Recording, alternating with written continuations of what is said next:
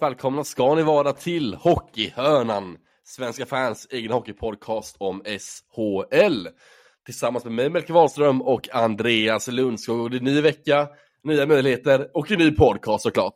Andreas, hur är läget med dig så här efter en hel SHL-vecka som man nu har passerat igen? Ja, det är intensivt och fullt upp och li lite lätt förkyld. Jag fick, fick en eh, fråga av en kompis, en liten, en liten obekväm fråga om man har vitaminbrist här.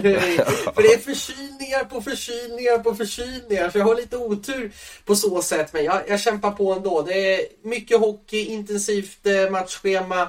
Men det är bra underbart och vi saknar ju inte punkter även för det här veckans program alltså. Det, det bara sprakar i SHL nu.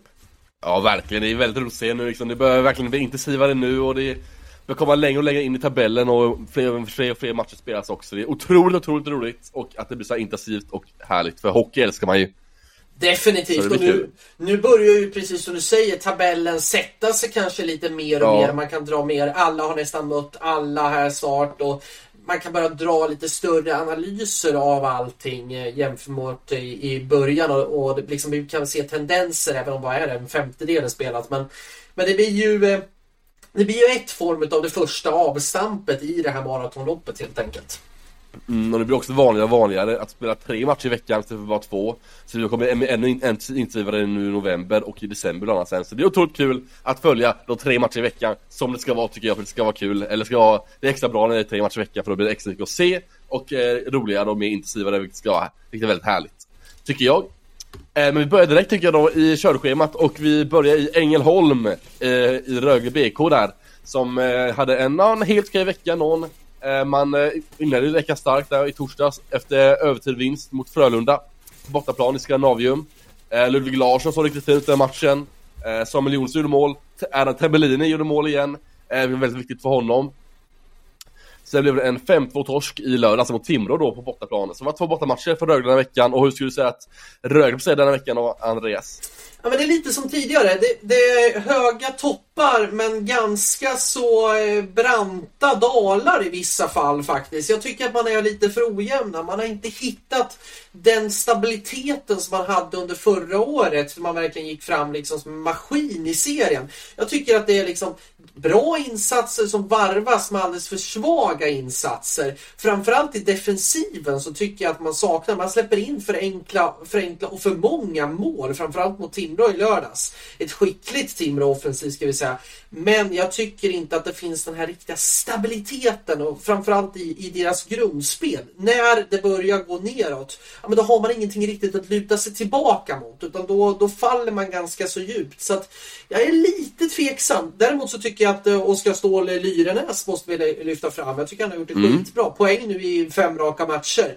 Det är ju positivt för Rögle, men sett till eh, seriestarten och sett de här omgångarna. Det är lite som saknas tycker jag. Mm, ja men exakt, Kalle Klang gjorde bra i torsdags mot Frölunda. Hade lite sämre match i lördags mot Timrå kan jag tycka men eh, man inledde ju starkt där mot Timrå i lördags med ett fantastiskt mål av Anton Bengtsson upp i krysset i powerplay. Det var så smack. Eh, jag följde den matchen gjorde jag, så det var väldigt kul att se Anton Bengtsson där komma igång i målet igen och det var otroligt, otroligt snyggt mål. Krysset satt den, direkt skott, väldigt, väldigt snyggt. Eh, men jag tänkte att man kan förvänta sig lite mer av eh, Rögle-spelarna, man har många liksom, väldigt bra och skickliga offensiva spelare som inte riktigt tar plats eller som presterar väl. Jag tycker sånt som Dennis Evberg och Daniel Sarg kan liksom, trappa upp och bli ännu bättre egentligen. Eh, tycker jag har med och att man vill kräva ut mer av honom tycker jag man borde göra. För att eh, han har inte heller presterat eh, som han hade velat än så länge tycker jag. Eh, och sen, ja, defensiven så släpper in för mycket enkla mål tycker jag, det håller jag helt med dig om där. Man är i behov av till back tycker jag egentligen där som stabiliserar upp hela försvaret. Jag tycker Erland Lesund var väldigt ovanligt blek i defensiven i lördags bland annat. Och, ja, men det är många spelare som inte kom upp i nivå i Rögle och det är ett ständigt problem tycker jag i Rögle i denna säsongen än så länge. Vad tror du att det beror på? Är det liksom ett grundspel som inte sitter? Eller är det just de individuella prestationerna som inte når upp? Eller är det en kombination alltså? För att om man tittar på andra mm. lag så, så liksom, om man ser till Leksand har ju varit ganska så stabila framförallt i sitt grundspel. Örebro vinner mycket på det, att man kan gå tillbaka och liksom luta sig tillbaka när det studsar lite emot. Känns mm. det som att, att grundspelet inte riktigt satt i ruggen? Ja, men jag tycker man har något bra grundspel i Rögle, tycker jag, som alla liksom litar på och så, men jag tycker att det är för mycket misstag helt enkelt tycker jag.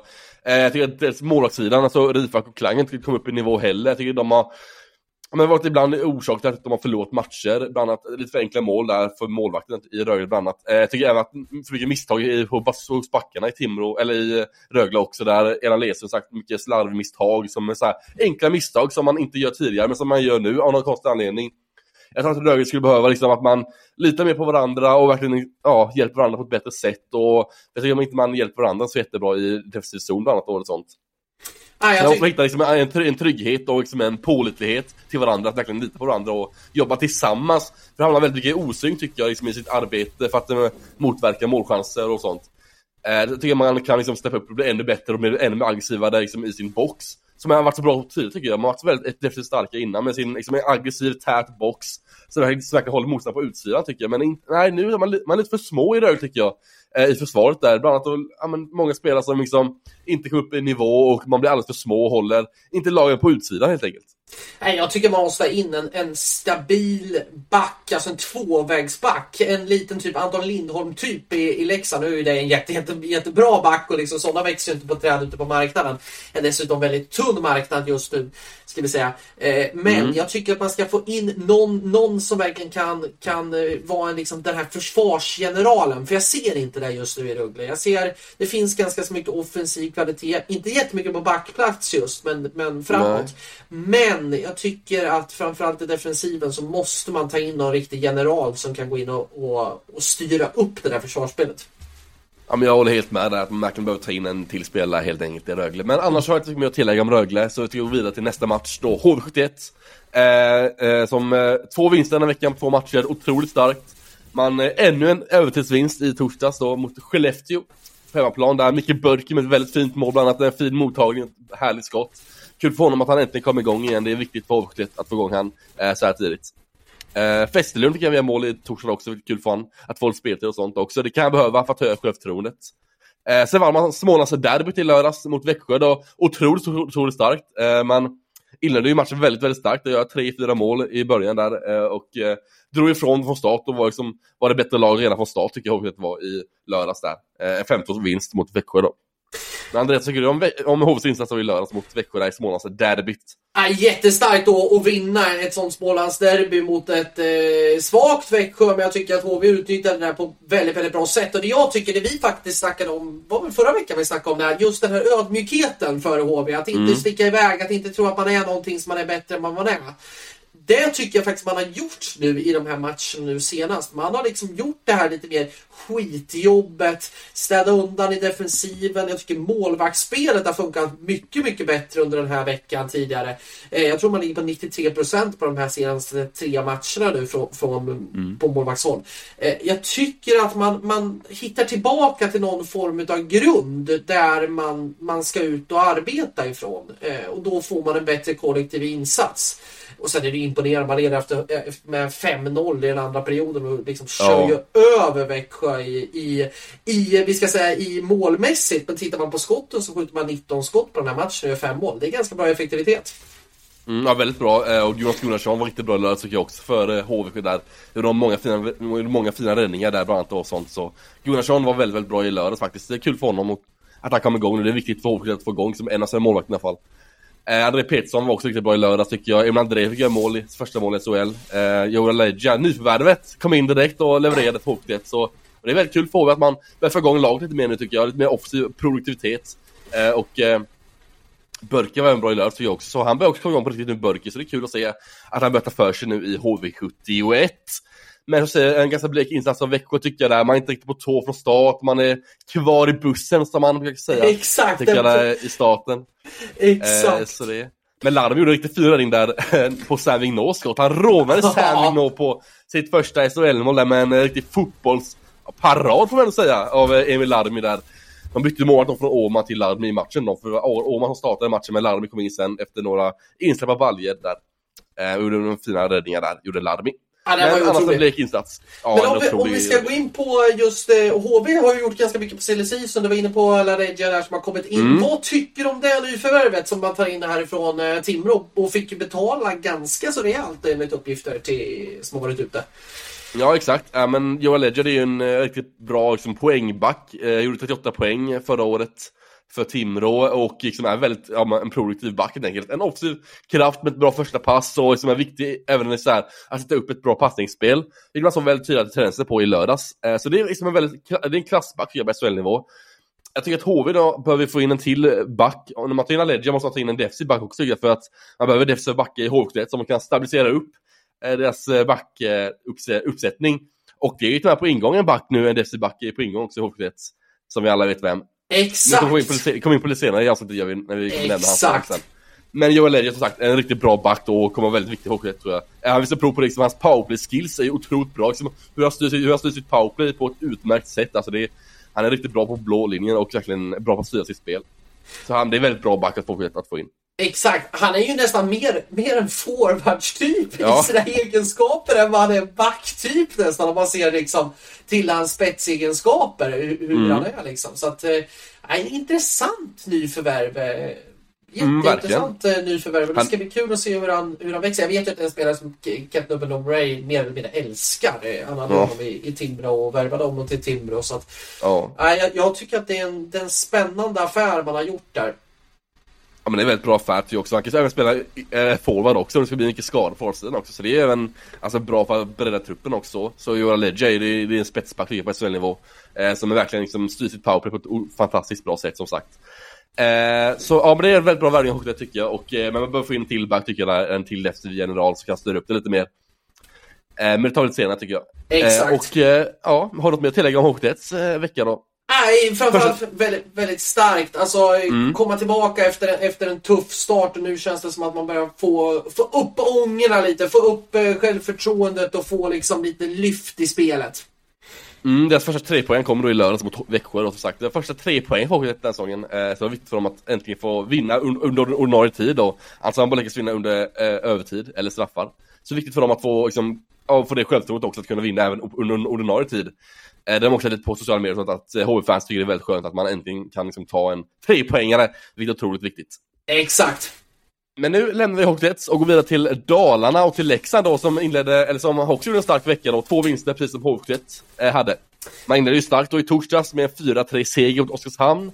Eh, sen vann man då mot Luleå i lördags. Gjorde hela fyra mål mot Luleå där, där Mattias Ward fick stå eh, i Luleå. Eh, men ja, Leksand då, en bra vecka, två vinster som sagt otroligt många bra spelare som ut tycker jag. Justin Kloos två mål i torsdags. Mikkel Rohoma liksom gjorde mycket poäng även i torsdags och var väldigt, väldigt bra. Zachrisson gjorde mål också och eh, Carter Camper med hattrick i lördags. Och vad tycker du om eh, deras offensiv i Leksand, är de på riktigt nu eller? Ja, alltså, men framförallt det, det jag måste lyfta med Leksand, det är ju just den här defensiva stabiliteten. Alltså man är ju oerhört svår, svår att göra mål på alltså. Det, det är helt otroligt hur, hur, bra man är i, i det grundspelet. Och sen när man har de här spelarna, alltså det, det är ju, man har, jag tycker man har haft sparkapital där nu, under, under säsongstarten och nu känns det som att de börjar blomma ut. Marek Rivik tycker jag har gjort, gjort det jättebra när han har kommit in också. Fem poäng på sex matcher här nu. Men framförallt är man ju eh, väldigt, väldigt bra på att eh, steppa igen. Och eh, bra målvaktsspel, tryggt hela tiden. Det är här vi snackar om trygghet. Anton Lindholm mm. tycker jag fortsätter att vara den klassback han är som vi har pratat så mycket om tidigare. Eh, man har alltså gjort, jag tror att man har gjort in, jag skrev upp det här, man skjuter inte särskilt mycket. Alltså man, man är, om man tittar på skottstatistik och sådana saker så är man faktiskt i, i typ av botten av SHL. Men det handlar ju också om vad man gör med det. Man handlar ju också om det här med effektivitet och att man inte släpper till skott i skottsektorn. Där är Leksand fantastiskt bra måste jag säga. Mm, ja men verkligen bra effektivitet har Leksand där, men en otroligt bra forwardsida också. En av SHLs bästa forwardsidor skulle jag våga säga där.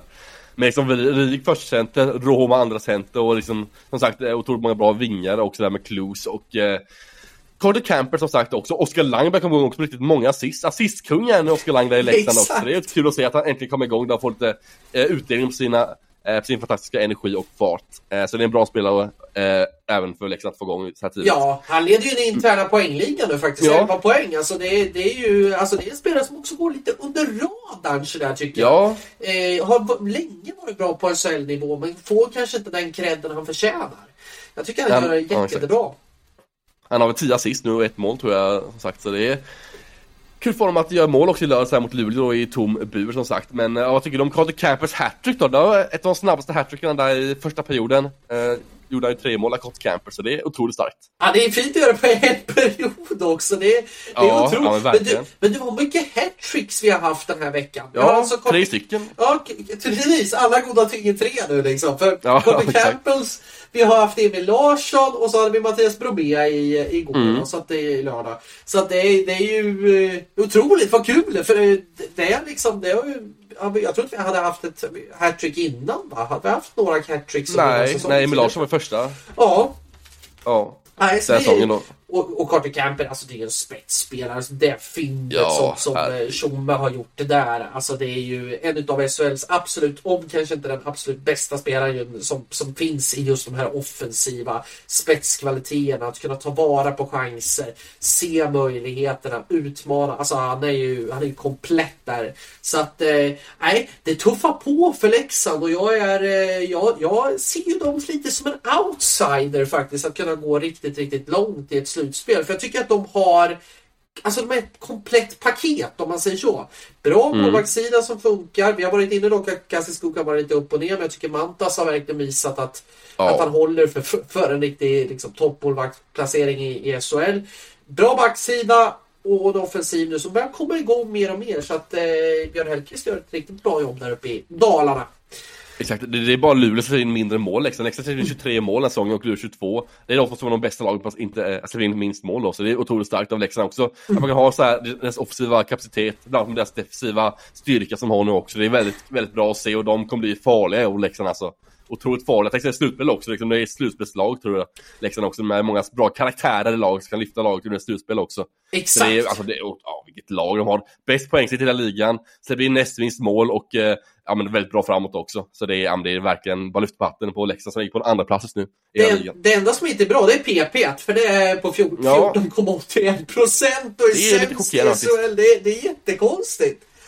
Det är Ja, jättemärkligt. men, men, Men ja, de- exakt. Men de spelare man har också med Olle Alsing och Matt Cato och backarna bland annat. Och sen har man ju, ja, en forwardsida som alla kan spela powerplay, spela forwardsidan känns som.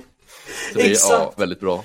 Nej, där, är- där har de lite och, och Men det, det, det tror jag inte att det är någonting att gå runt och vara sömnlös över när, när laget spelar så här bra över, över 60 minuter hockey nästan till varenda kväll här nu. Så att, eh, nej, Mm. formtoppen är upp på Leksand. Verkligen, det finns ett sparkapital också i deras powerplay som sagt. Men Leksand, väldigt, väldigt stark vecka då som sagt. Eh, men de som inte hade någon stark vecka, det var ju Linköping då, som hade tre förluster denna veckan. Det är inte så starkt eh, för Linköpings del. Och 2-0 torsk i tisdags mot Luleå på bortaplan. Eh, 4-1 torsk i torsdags på bortaplan eh, mot Brynäs och sen vinst, eller förlust efter förlängning eh, mot Frölunda då i lördags. Eh, Andreas, tycker du om Linköpings två vecka och tre förluster, är Linköping tillbaka till där man var i början av säsongen. Ja, är det nu man sjunker i Linköping eller vad tror du om Linköpings Ja, nu börjar, det, de har lite samma effekt som mot Malmö. Alltså det här var, det här var först man tog ett steg eh, framåt de andra tidigare veckorna. Nu man har tagit två steg bakåt i sin utveckling Mm. tycker jag. Jag tycker att man är eh, omständiga i defensiven. Man har inga riktiga, riktiga linjer i sitt spel. Och så har man en offensiv som alltså är så trubbig så jag vet inte vad jag ska säga. Ja. Alltså det håller inte. Man måste ha in en poängspelare. Jag vet inte att det är som att gå och köpa, liksom gå in i affär och, köpa, och bara köpa. Men alltså man har, jag tror man har sämst skotteffektivitet i hela SHL. Alltså det, det, det, Mm. det, det syns nu verkligen på att det här laget inte riktigt är, håller för i offensiven tycker jag. Jag tycker det syns tydligt. Nu fick jag Ste- Stefan äh, Matthew göra sitt första eh, mål här nu. Men eh, alltså det är ju inte den spelaren de ska Poäng. ha. Ja, det kanske poäng. var första poäng, ja. Så var det. Första poängen var det ja. Så var det. Alltså så att det, det, det håller inte riktigt om, om man ska liksom... Jag, jag tror att man börjar närma sig botten, men jag tror man kommer sjunka djupare. För jag tycker att de här lagen Ja. som är under har faktiskt bättre spets eh, i offensiven än vad Linköping har. Så att jag, är, jag är orolig. Jag tycker man har räddats mycket under inledningen av Marcus Högberg faktiskt. Ja, jag, verkligen. Alltså, jag, har ju- jag har sagt det tidigare också att Linköping kommer att ligga där nere i botten tror jag. Eh, jag såg fast vid det fortfarande. Jag tycker man har också, det, här, det här är liksom max Linköping, jag tror detta är max av Linköpings lag. Det här är liksom det man får ut max av deras lag den här förra veckan, eller två veckor sedan då de hade så bra vecka. Liksom det är det är man får ut max av deras offensiv, för jag tror inte man kommer få ut så mycket mer av deras lag egentligen, än vad man fick under de här, ja, med två fantastiska veckorna. som hade innan denna veckan då. Mm. Eh, så jag tror att det är, ja men sagt Forza har sagt, man gjorde bara fyra mål den här veckan på tre matcher och det håller ju inte eh, på SHL-nivå. Man hade lite tur där mot Frölunda i lördags där, där Frölunda stod på hälarna så mycket som man kunde göra mål där. Eh, men eh, ja, men Linköping var väldigt stort orosmål där, Linköping sagt. Eh, när Högberg inte är i form, ja men då, alltså, då är det ju bara tack och natt för Linköping egentligen, kan mm. jag säga. Ja, nej, men de släpper till flest skott också av, av samtliga lag alltså, i, i serien också. Så att det, nej, det är mycket som inte fungerar där och jag, jag börjar bli mer och mer orolig faktiskt för deras ja. del att de kommer sjunka ännu, ännu djupare faktiskt. Det, det känns som att man börjar närma sig någon form av botten mer och mer här nu faktiskt när HV börjar komma igång mer och mer. Men jag har svårt att se att Linköping kan ta så här eh, många vinster i rad med tanke på just det offensiva spel och sånt. Jag tror inte man kan ta så många vinster i rad heller. Jag tror man liksom kan få nöja sig med en vinst i veckan som max liksom. Alltså. Jag tror inte man kommer kunna ta så många vinster i rad för man har inget lag som liksom kan liksom Vissa lag är så pass bra, även om de inte levererar så kan man ändå vinna matcher. Att de har liksom ett stabilt grundspel och ett, liksom ett lag som liksom kan ändå komma ihop. Som Färjestad till exempel, och sådana lag som liksom har liksom fyra enheter som bara tuggar på. Men Linköping har ju inte riktigt det, så det kan bli svårt för dem att liksom hålla en hög och jämn nivå över liksom flera veckor i sträck. Och där har jag ett problem med Linköping också, för i år kommer det mycket, liksom mycket när det är mycket jämnare och sånt så kommer det vara mycket viktigt att man ja, men är beroende av toppspelare, att, att även om inte de levererar så har man liksom av secondary score-spelare. Men det har inte Linköping tycker jag inte och då kan det bli väldigt tufft för dem att liksom hålla uppe en hög nivå över en längre tid. Klockren analys, klockren analys. Alltså, det är det man kommer att... Jag, jag, tror att det är det man kanske kommer att falla på. Jag tycker är, Nu ska vi inte dra några, dra några domedagsprofetier än, för det är väldigt, väldigt långt kvar av serien. Men får man inte in någon spetsforward, då, då tror jag det faktiskt blir svårt att undvika kval som det ser ut nu med den här truppen. För jag tycker att Nej, det, det, det, det, är alldeles för trubbigt och, och, eh, när Högberg inte kan stå på huvudet då kommer man att förlora. Och eh, det jag också, jag tror inte man kommer kunna hitta de här vinststreakarna. Alltså få ja, tre, fyra, fem raka segrar. När man kommer upp på dem så man kommer upp och får lite fart liksom. Som HV har skapat nu med tre raka segrar. Nu tycker jag att det känns som att Linköping, det, man kan studsa det upp och vinna en match här och där men så kommer man förlora mm. nästa och så, så blir det samma sak igen. Alltså det blir liksom en jojo av det hela. Eh, så att jag är, jag är på riktigt allvarlig. Och, och, om jag hade varit, jag hade varit riktigt orolig om jag hade varit Claes Östman faktiskt. Mm, ja verkligen, jag tycker också behöver få in alltså ett par forwards i alla fall tycker jag. De har ganska så här sega forwards tycker jag, Linköping. Man är alltså, väldigt så här, trötta forwards tycker jag, som är ja, väldigt för dålig speed helt enkelt. Så man måste få in någon, någon snabb och sysselskicklig forward där som kan höja tempot i deras offensiva spel tycker jag, i Linköping. Ja, men typ en Anthony Greco som är ja. in alla, eller någon som, som kan ut med lite speed. Någon som kan liksom, bryta mönster på ett mer och mer sätt. Mm. Men någon energispelare som Oscar Lang eller som inte är där med Greco. Alltså någon energispelare som liksom höjer tempot och sätter standard liksom i spelet. Man har ju Brock Little men han behöver ju liksom hjälp av ja. än liksom sig själv. Så det är ju så problemet är för LA Linköping tycker jag. Exakt. Eh, men ja. Ja men Linköping är en väldigt mörk vecka för Linköpings del och eh, vi får se vad som händer den här veckan som kommer nu. Det är tre matcher för alla lag den här veckan tror jag. Så det kan bli fullt schema den här veckan. Så det ska bli kul att se hur Linköping, som var de tar vägen den här veckan som kommer nu och vilken väg de vill ta helt enkelt. Men nu lämnar vi Linköping och går vidare till eh, Luleå då som hade en vinst och två förluster den här veckan. Luleå inledde, eh, inledde veckan med vinst mot just Linköping med 2-0 då. Johanne Tyrvänen gjorde mål igen eh, och Jesper Sellgren fick även en liten balja i tom bur. Luleå vann även, äh, förlorade i torsdags mot Timrå efter straffar med 2-3 och sen torskade man även i lördags mot Leksand borta med 4-2 då.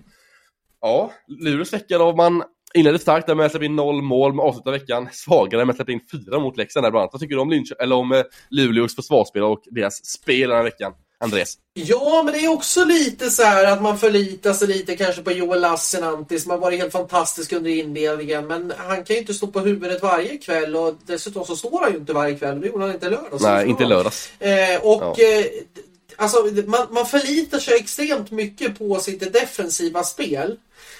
Men när det spelet inte riktigt funkar och klickar, det är ju liksom som Niklas Eriksson brukar säga, att alla måste vara committade. Att alla måste liksom göra jobbet till 100% i, i defensiven. Och liksom hela tiden göra det här grovjobbet som man har satt. När man inte gör det, när man börjar tumma på grejer, då har Luleå svårt faktiskt att vinna matcher och jag tycker att det är eh, liksom deras eh, brist på offensiv kreativitet i sin, sin spelartrupp. Alltså, vi kan bara räkna upp här, jag ska se om jag kan få fram statsen här, ska vi se. Eh, mm. Vi har alltså Isak Brännström som leder eh, den interna poängligan på 10 poäng. Men om man tittar på lönelistan, alltså jämför lönelistan. Vi har Johanna Tyrväinen, han har gjort 3 poäng, sitter säkert på en hel del lön. Brennan ja, Kinnamin sitter säkert på en hel del lön. Tre poäng. Du har, eh, vad heter det, du har eh, Konstantin Komarek sitter nog också på ganska så mycket, även om han inte är någon topplön kanske, men, men sitter nog på ganska mycket. Fem poäng på elva matcher.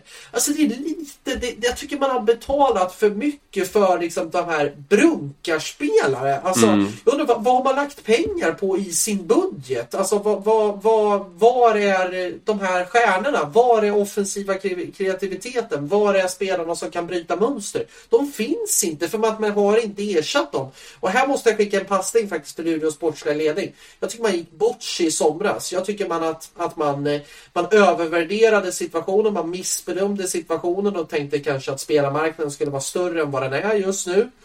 Nu sitter man med skägget i brevlådan och har inte några spetsspelare riktigt som kan bryta mönster. Det kanske låter mm, hårt, men, men jag, jag, tycker att det, det, det är för svagt helt enkelt. Ja, men det är en bra analys tycker jag där. Eh, att man liksom gick bort i somras, det har vi sagt om tidigare och det har jag helt med dig om.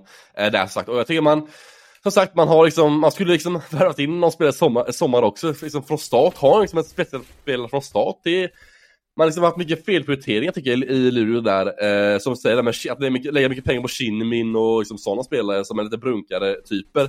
Det är också väldigt så här, felprioriteringar sedan tidigare och lite sånt tycker jag. Så det är mycket sånt i Luleå tycker jag med felrekryteringar och felprioritering och sånt eh, när det gäller att värva in spetsspelare och lägga pengar på brunkarspelare då som ändå Shinmin och eh, de andra som vi nämnde tidigare är eh, i mitt tycke. Ja, nej men absolut. Alltså, Kinnamin sitter, sitter väl säkert på, eh, har inte han typ 140 000 i månaden eller sånt där? Det kanske börjar... Ja, bara kvar i... Ja, inte min. Jag tror han hade, han hade runt 200 000 sen. Tror oh, jäklar, alltså det är... Ja, jag tror han har det i år. Det, det är dyra poäng på den ja. lönen alltså. Det, dessutom så tycker jag inte att det, det liksom... Ja, men det, det, de ger inte tillräckligt med, med, energi för de stora pengarna. Om vi säger så, liksom, om vi ska ta ekonomi Nej. per prestation. Så tycker jag inte att det riktigt når upp till, den, eh, till de nivåerna helt enkelt för, för Luleå. Så att eh, Luleå har ett jättebra superbra defensivt grundspel och kanonmålvakt mm. i Joel Lassinantti har bra backar. Men det är offensiven kollektivt som Luleå måste vässa sig. Flera steg och det måste... För... Ja exakt, något att fundera på också Lassinantti där om han liksom är det en målvakt som är liksom en produkt av att Luleå har ett fantastiskt bra försvarsspel eller är det liksom en fantastisk målvakt i sig? Liksom att han är så. Och det lite kvitto på i lördags där när Matteus Ward stod för då tycker jag Eh, att det blir mycket otryggare i Luleås försvarsspel och eh, man litar inte fullt ut på Matteus Ward, att det blir några enkla baljor tycker jag i lördags också. Vi liksom ett kvitto där att just Nassanti, han är verkligen toppmålvakt på SHL-nivå. Han är inte beroende av Luleås försvarsspel, utan det är tvärtom att Luleås försvarsspel är beroende av honom. Skulle jag vilja säga där. Så det var lite, ja, men ett kvitto på det liksom i lördags mot Leksand. Verkligen, jag. verkligen. Och där, där mm. har ju Luleå liksom en skala på Lassinantti vore ju förödande för, för Luleå på alla sätt och vis. Liksom. Även om Mattias Mård mm. tycker jag är jättefin talang. Och jag tycker att Luleå har ju varit ja. bra på att skola talanger också. Man har ju mm. tagit fram Jesper Wallstedt bland annat. Alltså, det är många målvakter som har tagit steg ifrån Luleå. Det, det tycker jag att man har gjort det väldigt bra. Och sen tycker jag att det är kanske bra att man har en så pass uttalad första målvakt också. Mm. Som, som, men det är det att man blir ju också väldigt, väldigt sårbara på det här sättet också ifall det skulle hända någonting. Ja men så är det ju, Mattias Ward kommer ju växa in i SHL-kostymen allt eftersom tror Han är bara 21 år gammal tror jag Mattias Ward. Exakt. Så han kommer ju liksom att komma in i det mer och mer sen. Så det är, ja men det är kul för han att stå lite i början tycker jag också. Mattias Ward, han behöver några matcher att komma in i det också. Så det är men kul för han att stå lite i alla fall tycker jag. Absolut. Eh, där. Men det var Luleås vecka det och vi går vidare till eh, Frölunda då. Eh, Frölunda då, en vinst, en förlust. Men! Det var... men eh, Roger Rönnberg blev på en riktigt rolig intervju igen eh, efter matchen såklart. Eh, första perioden där mot eh, Linköping i lördags. Då sa han att eh, googlar man på eh, sitta kvar i bussen-lag, då kommer Frölunda fram. Exakt! Han uttryckte sig där i lördags, det var otroligt kul också att höra att Roger Rönnberg, han är fortfarande på hugget. Exakt. Även den veckan också när det gäller intervjudelen. Otroligt, otroligt kul att han ändå ser det med glimten i ögat lite. Men du, uttrycket 'vi sitter kvar på bussen' är det, ja. är det, det måste ju vara det enda uttrycket som bara kan anpassas i sportsammanhang. T tänk om det var på så här, en, en typ så Broadway-scen Och artisterna Ja. hade gjort något fel eller det hade blivit något felsjunget. Och så kommer, så kommer liksom kapellmästaren och bara eh, lady, Ladies and gentlemen, eh, I'm sorry for this. We were still on the bus. Det hade varit episkt. Det är bara hockey också, man kan, alltså, allt annat är fotboll, alltså, det kan man inte göra, det är bara fotboll, alltså, det är bara hockey det känns som också att det den här klyschan används. Men, men hur gör de i NHL? Sä- Säger de we were still on the airplane då? För de flyger ju bara On the private play. on the private plane, ja. Ja, men det är så roligt uttryck det där Ja. liksom. Det hade, Ja, varit kul, verkligen. hade varit kul också om typ så här, någon, någon rörmokare man hade anlitat och bara, eh, bara så här, bara så här, ska installera något rör och så blir det något fel liksom med hela installationen och så bara Nej, jag satt kvar ute i skåpbilen liksom, som ursäkt. Ja, exakt. Ja, vi Ja. kommer på något, kommer på något nytt uttryck där för att göra istället för att sitta på bussen. Ja. Vi får slipa på det under veckan Ex- som kommer här. Exakt.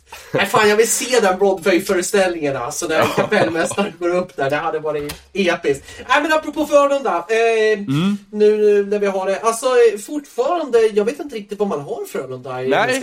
det, är- det är upp och ner och höger och vänster och åt alla håll just nu. Det, det spretar åt alla håll på, på något sätt och jag tycker inte man kommer upp i de topprestationerna som, som krävs. Det är det är kollektivt som jag tycker att det brister framförallt. eh, Det, I produktionen framförallt. eh, Ja. Och, och även i defensiven. Så att, eh, nej, det, klock, det, det klickar inte riktigt i spelet.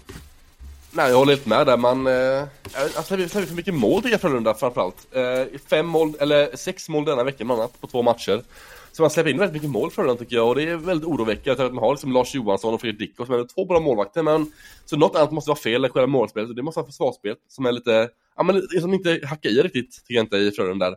Det är lite för osynkat och lite för dåligt, lite likt Rögle kan jag säga att man inte litar på varandra i Frölundas försvarsspel tycker jag. Mycket, alltså enskilda slarviga misstag som leder till att man släpper in alldeles för mycket mål. Eh, helt enkelt i Frölunda. Exakt, klockren analys även där. Och, och eh, Frölunda tycker jag också har, de har ett jätte, jättestort problem som jag satt och analyserade faktiskt här i, idag. Mm. Och det är att de har faktiskt bara, bara tagit ledningen, alltså gjort första målet i en match. Två gånger under säsongen. Alltså, Ja, det är men det är ju, staterna som är dåliga Frölunda, Ja. alltså staterna på matchen, det är där man har problem tycker jag. ja. Man sitter kvar på bussen. det, det, det är ofta det. Alltså, det, det, det är två, med två matcher alltså. Vad vi spelat? 12 omgångar har Frölunda spelat på. Vänta, har du Mm, ja, exakt. fel i siffrorna? Ja, Jo, alltså, 12 omgångar. Alltså, det är tio, match, tio matcher man har i underläge. Exakt, och jag ser också att man har släppt in alltså, ett mer mål än man gjort framåt också. Man släppt in 36 mål och gjort 35 mål framåt, det är väldigt oroväckande också. Han är minus ett där. Är Det, ja. Mm. ja, det är mycket som inte stämmer där Frölundas försvarsspel. Ja, ska man se det lite positivt så har Powerplay kommit igång och eh, Jakob Nilsson som har varit extra, eh, väldigt starkt Mm. ifrågasatt under säsongstarten fick göra ett mål och två assist i lördags. Så börjar väl komma igång lite mer och mer så där har man lite sparkapital att kräva av. Men det, det är ju framförallt defensivt som jag tycker att det, det är för stora frågetecken. Precis som du säger, inte den här grundtryggheten. Eh, Lasse Johansson har vi varit inne på tidigare. Där har vi fortfarande en anpassningsperiod, tror jag framförallt för hans del. Han varit inne på själv också. Jag tror att man får, man får ta det med en liten klackspark. Jag vet att Jonas Enroth hade jättestora problem när han kom tillbaka från KHL där. Det tog ju nästan en, eh, ja, framåt jul innan han liksom började vända på den andra sidan Ja. säsongen. Så det är fortfarande Nej, lite så att Frölunda måste behöva sätta ihop sig som ett kollektiv. De kanske behöver göra en sån här IFK Göteborg, där ute typ Marstrand och ha någon sån här typ teambuilding. På, ja. Ja. på någon fin kursgård, sitta och, sitta och snacka lite, sitta och dra upp lite riktlinjer, käka någon god lax till, med dillstuvad potatis till varmrätt och sen så eh, ja, men ha någon rolig aktivitet på eftermiddagen. Där. Det, det men tycker exakt. jag Frölunda ska göra. Ja, verkligen. Eh, Dicko fick stå i lördags också, och kul att se han i målet, tycker jag, Frölunda där. Eh, men man släpper in lite, alltså, alltså jag såg eh, Kristoffer Ehns mål där i lördags. Eh, I boxplay där, alltså det var lite kul, alltså när jag såg och analyserade den eh, sekvensen där, att man Fyra Frölunda-spelare gick alltså på en, det var alltså boxplay för Linköping, när en gjorde mål. Eh, Det var alltså, en åkte in i zonen, i offensiv zon, åkte runt målet, fick med sig fyra Frölunda-spelare. Och alla fyra Frölunda-spelare, de tittar inte på en, de tappar en sen och tittar på hans medspelare. Eh, så jag inte kommer ihåg vem det var exakt, men det var någon annan som var med han i sin boxplay-uppställning. Och så passade han in, jag tror det var Henrik Törnqvist var det, som var den andra spelaren, så fick pucken. Och så ska alla fyra Frölunda spela på Törnqvist och alla missade en. Så jag stod liksom helt fri för Dickov. Var det, ja, det var jättekonstigt där i Frölundas försvarsspel tycker jag, när man släppte in där liksom för enmålet där i lördags. Ja, nej men det är också liksom bevis på eh, en, en grundsten på en, en liksom bit man kan peka på att det, det är mm det är för dålig, liksom, man har inte de här ansvarsrollerna, man har inte sett rollspelarna riktigt eh, i det här. Nej. Så att, eh, nej, det, Frölunda har mycket att, att jobba på. Så får mm. de sälja den ja, bussen eller så får de börja, ja. börja Byta buss vi göra. Byta buss ja. Börja flyga till match istället. Börja ja. flyga istället. Exakt ja, exakt. Ja. Det tycker jag. Ja men äh, exakt. Äh, de är starkt för att vända matchen också från ett underläge till vinst mot Linköping ändå. Absolut, det ska vi säga. Äh, Exakt, och Lundqvist gjorde två mål den veckan också. Mm. Det är inte varje vecka man ser det, att Joel Lundqvist gör två mål. Jo. Ja, Lundqvist där. Exakt! Eh, men en spelare är lite tveksam, alltså Anthony Greco, jag, vi sa att vi inte hade, vi inte vad jag hade Frölunda innan, men Anthony Greco är samma sak där, jag tyckte vad har Anthony Greco liksom starkt? Alltså det är svårt att analysera i en sån spel tycker jag, för ibland är han jättedålig, jättedålig och ibland så är han jätte, jättebra. Så här, ibland, en vecka vill man skicka han, en vecka vill man liksom ha kvar han och göra kontakt med han typ. Det är så känner jag till Anthony Greco också. Jag vet inte vad man har han så. Nej, i laget. jag tror fortfarande att det är en anpassningsperiod också för... Så är det ju för honom. Sen tycker jag att han, han visar ju att han i alla fall håller för tempot. Han, ja, ja. han visar att han håller för tempot för SHL. Och det tror jag är en jätteviktig grundsten för de som brukar bli skickade vid de här tiderna, alltså november, december, alltså de som man verkligen ser att det här börjar bli ohållbart. Där är det oftast tempot kan jag tycka från tränare. Att tränare trycker på att han håller inte för tempot, han håller inte för spelsinnet. Greco har ju mm. vissa uppsidor men jag tycker som sagt att han är lite för ojämn i sin prestationsnivå. Liksom. Höga toppar eh, och det är kanske mer en attitydsfråga eller mer en inställningsfråga i, i det liksom. Kanske har också med rollspelet som jag gör att, att man inte riktigt har fått rollerna. Han har inte riktigt fått det kanske att stämma med, med Ryan Lash på samma sätt som, som det kanske var tilltänkt. Eh, så att, nej eh, jag håller med. Det, det, finns sparkapital där och det ska bli intressant att Frölunda hanterar den här situationen. Mm, verkligen. Men nu lämnar vi Frölunda och går vidare till ett annat lag som är väldigt starkt vecka tycker jag. Det är Timrå framförallt. Timrå två vinster på två matcher den veckan. Man vann ju i torsdags borta mot Luleå efter straffläggning där Emil Pettersson avgjorde. Eh, sen vann man även i lördags mot Rögle på hemmaplan där med 5-2. Två starka prestationer Frölunda denna veckan, eller av Timrå denna veckan. Eh, så det är väldigt kul att se för Timrås del. För ja, men nu börjar Timrå komma igång som en, som en lagmaskin tycker jag Timrå blir nu. Eh, lite likt liksom, Luleå och Färjestad och sådana lag som börjar liksom, alltså, få ett bra kollektiv och börjar liksom, vinna matcher. Att man liksom är en lagmaskin och bara tuggar på. Tycker jag där, framförallt offensivt sett eh, i Timrås ögon. Men vad tycker du om Timrås vecka, Andreas? Ja, men hittar, jag, skulle säga just det också, laginsats, lag, kollektivt, eh, att, att lyckas liksom. River istället här. Jag tänkte i Docklandet var det. Jag trodde det var... Jag tänkte vad gör han nu? I alla fall. Eh, nu mitt under sändningen. Eh, ja exakt, river hela... river hela studion. ja, herregud. Nej men alltså jag skulle också säga det en riktig lagmaskin där alla le börjar leverera liksom. Alltså det, det är inga det är ingen som sticker ut om man tittar rent poängligamässigt. Emil Pettersson 8 poäng på 11 matcher, Jonathan Dahlén 8 poäng på 11 matcher. Men man har liksom, eh, eh, liksom en, en trygg och bra leverans från alla kedjor. Jag är jätteimponerad. Sen är jag jätteimponerad av deras defensiv med eh, Jakob Johansson som har varit helt fantastisk tycker jag här i, i målet. Så att, eh, jag tycker att det det ser spännande ut det här för, för Timrå mer och mer liksom. Och nu fick man ju in Magnus mm. Berger här också som ett riktigt rivjärn i dagens Och Jonas Liter framförallt som gjorde poäng i debuten här eh, i den här veckan. Så det är kul att se att Jonas Liter kom in på ett bra sätt som han gjorde där. Jag tror det var torsdags han kom in och gjorde poäng där mm. mot eh, Luleå. Exakt. Det, men, jag, liten, jag är faktiskt positivt överraskad av han faktiskt. Jag såg ju Rögle-matchen i lördags mot, som mötte Rögle. Men han är faktiskt väldigt stabil tycker jag i sitt spel. Ovanligt liksom. Det är nog bra gjort av Kapan ändå att få in en sån back. För det, man behöver verkligen det tycker jag i Timrå. Verkligen. Men, men, tror du att, det, att man är på väg att få in någonting annat? Det var något, något supporterrykte under veckan som har gått om Olli Julevi som spelar borta i, har ju varit stor talang, eller jättestor talang. Ja. Han gick väl i första rundan tror jag för några år sedan och har ju varit eh, mm. backpass för bland annat Vancouver. Eh, har det varit snack om att eh, Timrå ska vara intresserad av. Tror du att man kommer få in något annat här när man valde att, att eh, dra iväg LaLeggia till, till Timrå? Eller till, Ja, till eh, HV. Det tror jag ju. Man gjorde insamling också i, tidigare i somras också, som skulle gå till en back, tror jag. Eh, men det var ju till Radén egentligen, men jag tror att de pengarna används till en back. Eh, kanske var till lite när man använde sådana här Swish-pengar som kom in i sommaren här, för Timrå. Eh, men framförallt tror man kommer få in till back, tror jag Timrå kommer få. Eller det måste man få in Timrå tycker jag. Eh, för man har liksom sex seniorback just nu. Och det håller ju inte.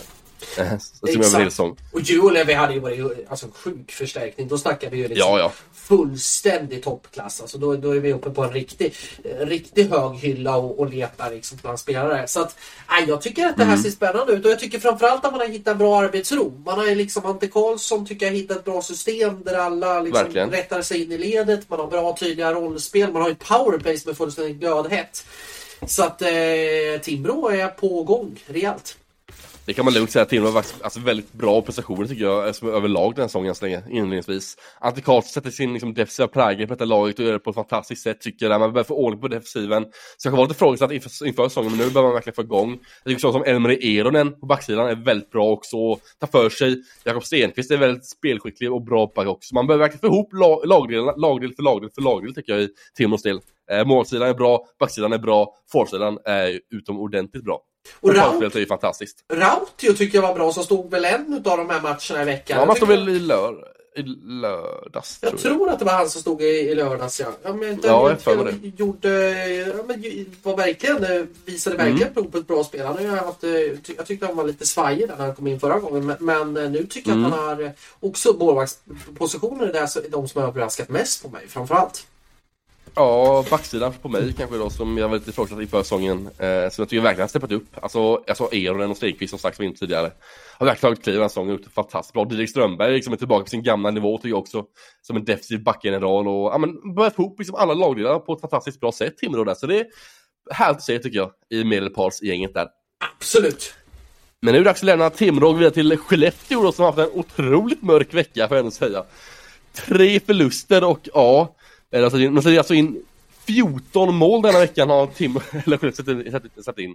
Det Ja, är, det är, ja, det är från, otroligt svaga papper. Ja, från någon liksom, total toppnivå till att braka rakt ner liksom. Så när man har haft en speciell vecka, man har ju haft både Ja. Joakim Lindström på skadelistan, man har haft Oskar Möller som ska bli pappa, eller kanske redan har blivit det. Har blivit pappa. Har blivit pappa, då skickar vi stort grattis till Oskar Ja, på, på exakt. det här. Nu Eh, är det lördags. Stort grattis får vi rikta då. Och sen så har man även haft målvakten Linus Söderström och eh, Simon Robertsson har också varit skadad. Så att man har ju haft en väldigt eh, tunn trupp och det är det som är med det här Skellefteålaget. Alltså det är en väldigt tunn trupp och man blir extremt sårbara. Framförallt på forwardsidan när det blir de här avbräcken. Det jag är lite orolig för dock, det är att det har inte varit liksom målproduktionen som kanske har varit det största problemet, eller att man har haft många problem den här veckan. Men, men det är ju framförallt hur mycket mål man släpper in, som du säger. Alltså att det, att det går så långt bak. Mm. Alltså det, det, det är riktigt, riktigt, riktigt illa på, i, den, i den defensiva strukturen som man visar upp den här veckan. För jag tycker ändå offensivt så tycker jag att Salomonsson nätade två gånger mot Örebro och sen Forsfjäll tycker jag ändå gör det bra under omständigheterna. Mm. Men jag tycker inte att eh, defensivt så håller inte det här. Eh, jag tycker det var väldigt, väldigt svag vecka. Och det, det har ju Skellefteå också varit inne på. Jag såg att Erik Forsell i GM var ute i en eh, intervju att han misskalkylerade också den här spelarmarknaden som är extremt tunn faktiskt. Jag pratar med både och sportchefer nästan ja, men veckovis här nu och, och eh, ja, men säger det att det, det finns inte så mycket ute på marknaden. Mycket beroende på världsläget med KHL där man inte vill plocka spelare av, själv, av eh, självfalliga skäl. Liksom. Eh, och Nordamerika kanske inte är så många som är jättehype på att sticka över nu eh, när läget är som det är. Och framförallt inte för klubbarna där dollarn är svindyr just nu. Liksom. Mm. Där, för att det är det att ska du anställa någon nordamerikan så betalas ju lönen ut i dollar. Vilket gör att eh, klubbarna får betala mycket, mycket mer än, än tidigare så att när, när kursen är så dålig. Så att eh, nej, Skellefteå måste bredda den här truppen. Det måste man. Annars så eh, kommer man inte kunna vara på den här absoluta toppen tror jag. Eh, sen kanske det här blev en riktig svackvecka. Vi ska också säga att det var en tre borta matcher också. Det kan vara rätt tufft. Ja. En riktig roadtrip där man hade Började i Örebro och slutade i Oskarshamn. Fick åka runt och konka halva Sverige. Så det var några som fick åka buss med på inställning. Det kan vi lugnt säga. Så att, nej, det, jag, jag tror att det kanske var en plu- plump i protokollet. För jag tycker ändå att de har spelat bra under säsongen. Men när man får de här avbräcken så blir de för tunna. Man gick på en värvningsmina så in tidigare att Forsell erkände det att han gick på liksom en mina där i somras och det ser många tidigt på nu att eh, det här är resultatet av att man inte har en tillräckligt bred trupp i Skellefteå. Man får låna in spelare på Hockeyettan, ta upp många juniorer som ändå det bra tycker jag, där Seb Forsell bland annat och Elias Holmarsson och sånt. Men ja, man behöver verkligen få in liksom, förstärkningar i Skellefteå. Det är man också ute efter som Forsell tidigare sagt. Mm. Så det, det är det man får in i Skellefteå tycker jag där. För man har liksom spetsarna för att kunna vara liksom, ett topp, topp, topplag i SHL och eh, liksom, kandidat att vinna hela liksom, grundserien tycker jag. Men eh, det är just den här bredden man behöver liksom eh, ändra på tycker jag i Skellefteå som sagt. Och Gustav Lindvall tycker jag i Skellefteåkasten faktiskt eh, chockerat mig inför säsongen, eller alltså under säsongens inledning. För han har varit otroligt, otroligt liksom underpresterad otroligt mycket tycker jag. Eh, väldigt chockad över hans inledning. Tycker han, han berättar väldigt starka inledningar i, på, i SHL. Eh, men nu har liksom en av sina sämsta inledningar liksom någonsin på SHL-nivå den här säsongen. Gustav Lindvall. Så också väldigt chockerande tycker jag. Eh, att, och en sak att liksom anmärka på. Eh, kanske är det en frukt av deras eh, dåliga försvarsspel, men jag tycker att Gustav Lindvall kan liksom prestera ännu bättre än vad han gjort och kan hjälpa laget ännu mer än vad han gjort än så länge tycker jag. Nu blev han av med målvaktsklubban också i matchen mot Ja, det var lite kul, den händelsen. Det är sjukaste händelsen jag sett i veckan i alla fall. Eh, ja. Eh, jag var ju på plats på matchen och, och rätt vad det är så är det alltså en, en klubba som flyger rakt upp, alltså Gustav Lindvalls målvaktsklubba som flyger rakt upp genom skyddsnätet och rakt ner i Örebroklacken. Ja. Men det var någon som var så snäll där som hämtade upp den där klubban, traskade iväg till båset. Fick gå ner till deras materialförvaltare och så fick jag klubban ner. Ja, jag såg det också. Jag såg den matchen på tv. Och då, alltså jag såg den och satt där, vad hände med klubban? Tänkte jag. jag såg bara att något flög i luften. Vad var det? Jag kollade vad det är för något flög. Så var det ju Lillemans klubba som var på jakt där i Örebros klack och han var ju kul. Frillman var jätteförvånad när hans klubba var borta. Han kollade runt så här runt hela sin zon och han var vad fan är det klubban någonstans tänkte han. Man stod och kollade och spanade efter klubban men han hittade ingen klubba och det chockad tror jag. Han stod och funderade lite vad som hände riktigt och det var ingen som fattade riktigt vad som hände där. Tror jag inte. Ja, jag har, det är kul faktiskt att tillägga. Jag har ju sett puckar flyga över från hela plan. Alltså kommer ihåg ja. Kåberg dunka på över hela planen och flög över plexit. Men det där är aldrig... Alltså en klubba ska åka upp... Jag har sett en klubba åka upp på läktaren. Inte ens jag än tror jag. Så att, det, Nej, det är en episk eh, situation, men däremot inte lika roligt för Skellefteå som eh, behöver få tillbaka sina nyckelspelare, man behöver kika efter nyförvärv och man behöver sätta ett tajtare defensivt grundspel skulle jag säga faktiskt. Mm, man behöver ta in lite kroppar som svakt heter. Exakt, exakt. Ja, ja, men nu går vi till nästa lag då som är Gävlegänget Brynäs då. En vinst, en förlust den här veckan. Det var vinst i torsdags mot Linköping hemma. Eh, och eh, där gjorde Alexander Ljungcrantz mål bland annat eh, och Oliver Eklind.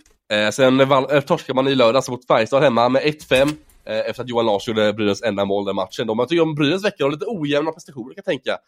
Nej, alltså en, liksom en stor vinst med tre måls marginal i torsdags och sen en fyra måls marginal förlust i lördags där. Så lite ojämna prestationer för Brynäs del. Andreas, tycker du?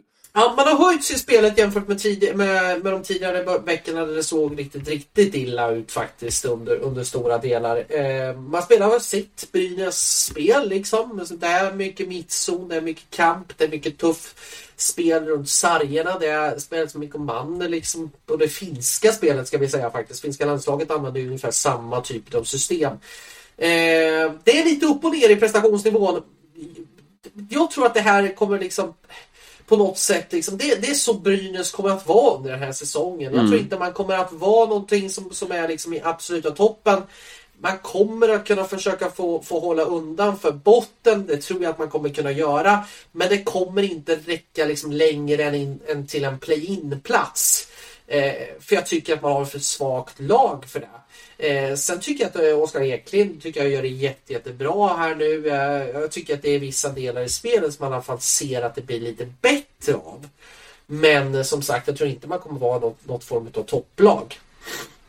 Nej, det kan jag hålla med om. Man kommer vara ett play-in-lag tror jag också, eh, som du säger där tidigare. Men det är lite två ojämna positioner i Brynäs Ibland så är man jättebra, ibland så har man, man liksom höga toppar, djupa dalar som sagt. Och man måste få en jämnare nivå i sitt spel tycker jag för att kunna men kanske hålla i liksom en längre streak av vinster. Eh, men det är ungefär så här man kommer få se av Brynäs säsong tror jag. Man kommer ha lite ojämna prestationer. Man kommer ha en vecka där det går dåligt, man kommer ha en vecka där det går jättebra. Man kommer ha liksom vecka där man kommer vinna liksom en vinst eller förlust som denna veckan. Och lite sådana liksom blanda och ge-veckor kan man ha i Brynäs tror jag. det kommer också hela säsongen som kommer också så Ja, men Brynäs är ungefär samma man kan förvänta sig Brynäs kan jag tänka mig. Ja. Eh, Johannes Kinnvall fick även göra mål i torsdags också. Väldigt viktigt för honom att komma igång med målproduktionen där i powerplay. Kul för honom där också och eh, Greg Scott gått lite under radarn tycker jag också. Ut väldigt bra prestationer också här inledningsvis. Verkligen! Han har verkligen tycker jag steppat upp jämfört med tidigare år och tycker att jag, jag tycker mm. att jag ser en mer, vad ska jag säga, mobil Greg Scott. En mer involverad i situationerna, är mer liksom mer delaktig mm. i spelet, vill mer på något sätt, visar mer. Eh, sen tycker jag David Klenicka är ju alltså ruskigt bra, det måste ja. jag faktiskt säga. Alltså det, det är han mycket som, som leder Brynäs i, i det liksom i, i sitt spel med, med nej, så att eh, det är lite upp och ner och det är lite svårt att sätta mm, fingrarna på just Brynäs i även analyserna för det finns om man tittar på det statistiska så finns det saker som både är dåliga och, och saker som är väldigt bra. Så att, eh, om man är någonstans i mittenskiktet av allting. Mm. Så att, eh, det är det man kommer säga. Det är lite, vad ska ja. vi säga, mellanmjölk klassiskt. Mellanmjölk, ja. ja. Lite så. Man ligger 8, nya Brynäs, man kommer ligga ungefär där 8, 9, 10 kanske kommer ligga. Man ligger ju där nu, så det är ungefär där man kommer ligga under säsongen tror jag. Mm. Och hålla sig på en stabil plats där mellan, på play-in-plats. Vilket är väldigt bra för Brynäs del, skulle jag säga. Exakt! Eh, jag tror även att Anders Lindbäck i mål behöver höja sina prestationer också. Han inledde väldigt svagt tycker jag, Anders Lindbäck. Men nu börjar han komma igång lite mer och börjar komma upp nu mot topp 10 i Rängelstadion-statistiken. Det är ju elfte plats nu, Göran Lindbäck där. Man börjar komma upp och bli bättre och bättre för varje match som går. Och det är också kul att se för Lindbäck och Brynäs skull. Eh, att man börjar få igång deras fantastiska målsida som inte varit så bra inledningsvis. Så det är verkligen den som varit liksom det, det den sämsta lagdelen så här inledningsvis tycker jag, deras eh, målvaktssida som var så upphypad inför säsongen. Så det måste verkligen liksom börja få igång dem lite. Vilket också tror man kommer få nu, för Lindbäck börjar liksom acklimatisera sig lite bättre till SHL här och nu. Absolut, absolut. Klockren mm. analys. Jajamän, men nu lämnar vi Brynäs och går vidare till nästa gäng då, vilket är Örebro, ditt lag Andreas då. Tre vinster på tre matcher, nu är man ett topplag Örebro.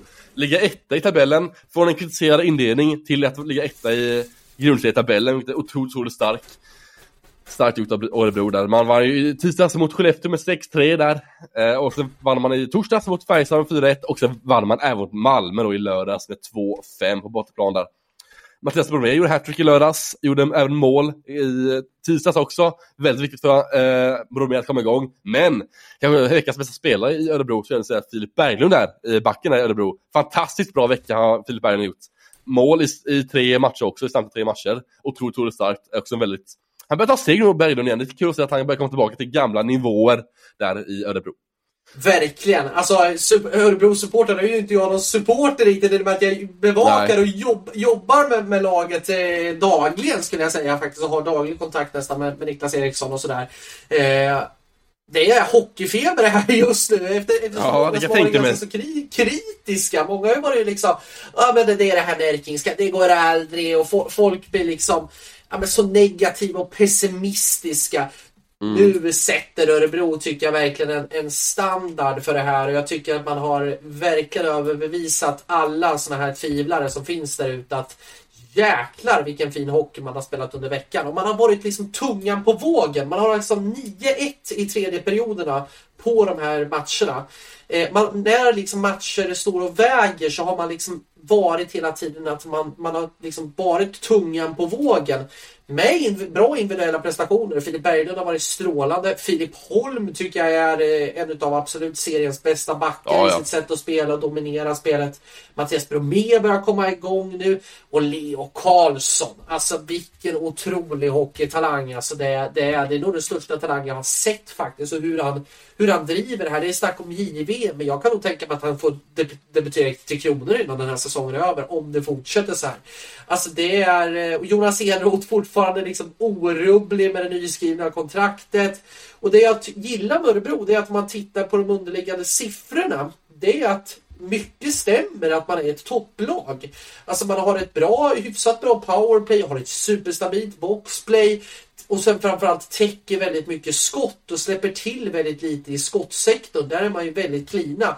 Och sen Emil Larsson som kommer in i den här, alltså vi talade om att inte, inte ha bara en kedja som man står och faller med. Det har inte Örebro utan jag tycker man har det kollektivt där alla jobbar i, i samma liksom. Dessutom ska vi säga Petrus Palmu petad mot Färjestad och petad inför den eh, sista tredje perioden inför eh, Malmö-matchen där. Eh, där känns det faktiskt som att, eh, nu ska vi inte gå händelserna i förväg, men det känns verkligen på de uttalanden man hör också att eh, Nej, Palme kanske får se sig om en ny klubb för jag tror inte han håller för det här tempot. Ska Mikko Man ringa till eh, eller? Ja, det är ju hans är älsklingsspelare, finska. Ja, Vad sa du? det är väl hans älsklingsspelare har jag väl Ja, hört. jag- jag tänkte på. Jag tror att Brynäs till och med var på också, de, vad, Ja. vad det jag har hört. Kanske hade varit jättebra faktiskt för Brynäs, men jag tycker man ser att Palme kanske har en för lång uppslagssträcka och vi snackade här om att inte kunna anpassa sig till ligan med tempot. Där är jag faktiskt orolig för Petrus Palme eh, i det här sättet. Jag trodde han skulle komma Mm. igång. Jag tycker han fick en bra start också på försäsongen, men just nu så känns det som att han passar inte riktigt in i Örebros laguppställning och Örebros sätt Mm. att spela på så sätt. Så att, eh, sen beror det på att, att man, vad man får in. Jag tror att det är viktigt. Jag tror inte man kommer sparka Palme bara för att, eller skeppa Palme ska jag väl säga, bara för att om man inte får in någonting annat. För man har redan en tunn eh, forwardsida där man får i så fall förlita sig på juniorer ganska mycket. Det tror jag inte man kommer våga göra av eh, numerära skäl. Men skulle man få in någonting då kan nog Palme hän- hänga löst faktiskt. Men eh, Ja. nu har jag dragit väldigt långa analyser om Örebro. Men, Ja, men det är bra du. men eh, nej, jag är imponerad och jag tycker att Niklas Eriksson förtjänar liksom mer cred vad han faktiskt gör med det här spelarmaterialet. Jag tycker det är ganska, jag tycker det var lite väl kritiskt från bland annat experter och sådär under säsongsledningen. Jag tycker Niklas Eriksson gör det bäst kanske av eh, SHL-tränaren tillsammans med kanske Ante Karlsson sett utanför spelartruppen. Ja, Björn Hellkvist ska också upp där självklart. Mm. Ja, fast framförallt Eriksson och Karlsson så är det där. De har liksom fått ut liksom max av sin trupp tycker jag. Leksand är lite kvar tycker jag där. Alltså Hellkvist har ju fantastiskt bra trupp på men Örebro och Timrå har inte liksom samma kvalitet på truppen kanske som Leksand har. Och det är väldigt imponerande att man liksom börjar få igång sitt lag på ett sånt fantastiskt bra sätt som du säger tidigare med Eriksson och Karlsson. Men Bromé då, ett fint Kenta Nilsson-mobb gärna på i lördags där. Bromé, eh, liksom en riktigt lördagsgodis till Närke-supporterna där. Vad tycker du om hans Kenta Nilssons dragning där?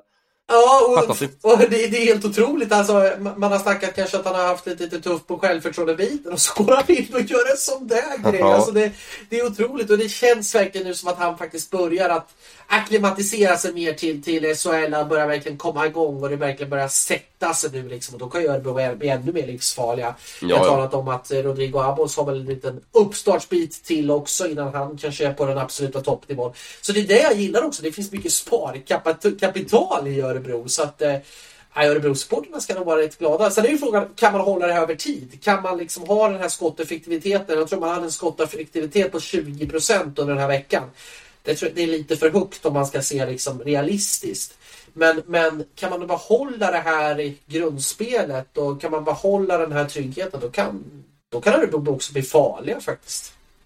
Ja, men jag är väldigt svag för Örebros backsida, alltså den är ju så komplett så det finns inte alltså tycker jag. Den, alltså jag, nej, jag är svag för deras backsida Örebro där. Jag tror de, ja deras defensiva spel har varit fantastiskt bra också under säsongen. Men också ett lag som gör näst flest mål i hela ligan också. Det är också imponerande tycker jag Örebro att man, även om inte toppspelarna kommit igång ordentligt så har man ändå näst, liksom, näst flest mål och 41 kasta framåt. Väldigt imponerande. Det är, bara Verkligen. Skellefteå, det är bara Skellefteå mot fler mål än Örebro, vilket visar också på att man ändå har en offensiv kapacitet i Örebro också. Och inte bara defensiva liksom, kapaciteten som jag nämnde nyss. Och då tycker jag att Örebro faktiskt har haft det bättre på målvaktssidan och på det defensiva spelet än Skellefteå om man ser Ja, till ja, liksom det. det är ju, Ja, ja. Det, det, så att Örebro har någonting eh, på gång här verkligen. Det, känns lite så. Ett lag som är på uppgång och eh, ett lag som kanske har haft en lite turbulent start där folk inte har Mm. varit riktigt helt nöjda och sådär. Men ändå sveper förbi och hittar liksom vägar till segrar ändå på något sätt. Ja men gäller tålamod där med Niklas Erikssons spel så tycker jag. Så gäller att man har lite is i magen där som Örebro supporter och verkligen vänta in liksom säsongen allt eftersom. För jag tror man kommer bara bli bättre och bättre under säsongens gång här i Örebro. Eh, Så det blir kul att följa Örebros vecka här framöver, eller veckor här framöver. Mattias Bromé har ju Eh. laddat ner nya fotbollmanager också. Det... Ja, så är det också. ja, det var helt underbart.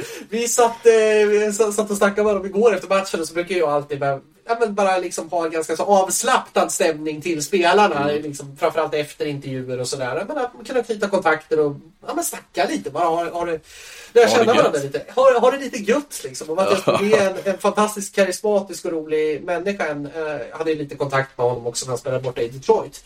Eh, och då hade han faktiskt, hade Filip Berglund sett min tweet på bussresan Ja. ner till eh, Malmö i fredags att jag hade laddat ner Football Manager. Och då hade de två hänka på där och köpt in sig på eh, nya spelet som kom här i veckan. Så att han hade dragit igång en save med Djurgården nu. Så Ja, jag att, sa eh, att han, han nämnde någonting om Kalle Holmberg i en intervju så jag också. Han Jaha. lärde sig av Kalle Holmberg eller någonting sånt. Så det var kul att höra också att han drog lite fotbollsreferenser på hockey Exakt. i i en hockeyintervju. Exakt. Ja, han är en fantastiskt härlig människa. Kalle Holmbergs eh, pappa var ju kultspelare i Örebro också på 80-talet. Mikael Holmberg faktiskt. Mm.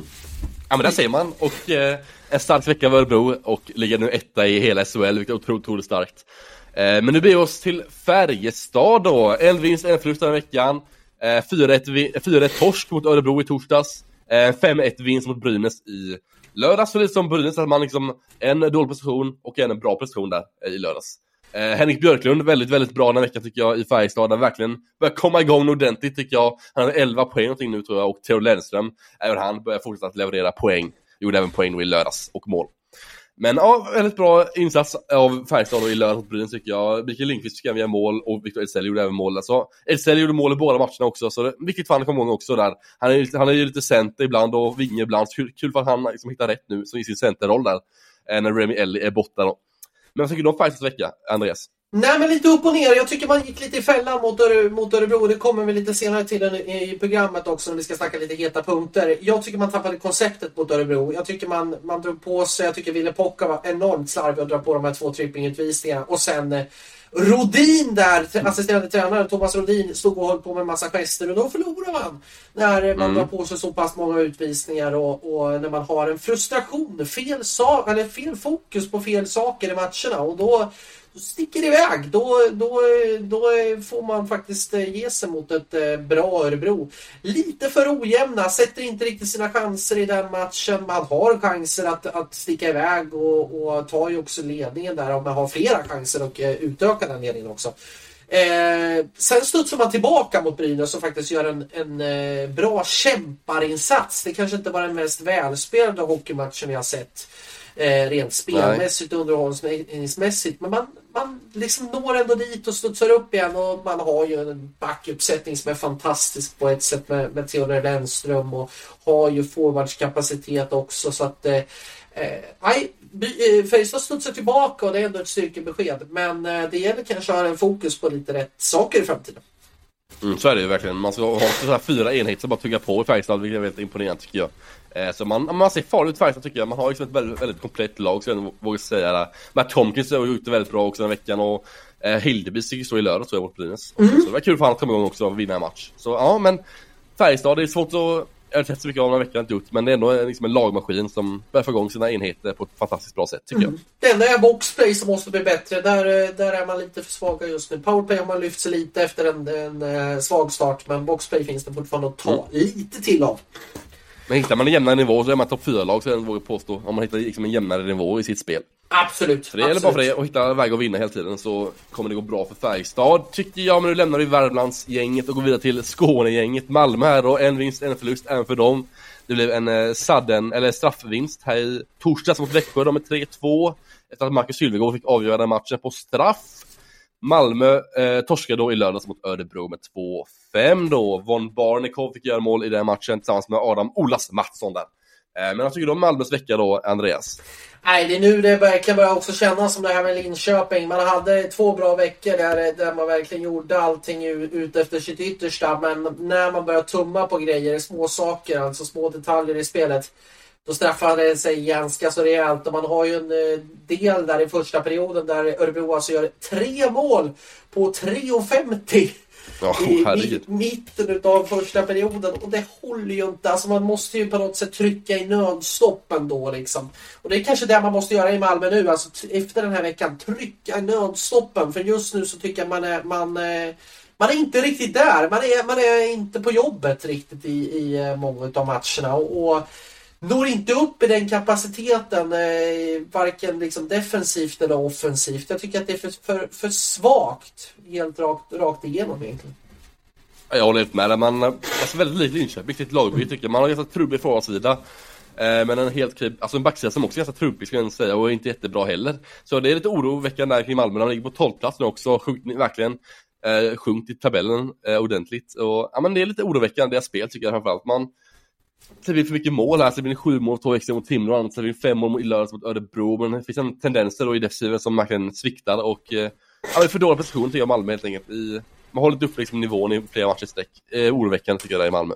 Ja, sen tycker jag eh, von Barnekow har kommit in jättebra där och verkligen tagit för sig på SHL-nivå när man har fått chansen. Får inte jättemycket speltid men jag tycker ändå att de gånger jag har sett honom så tycker jag att han ser mm. jättespännande ut och det är ändå starkt.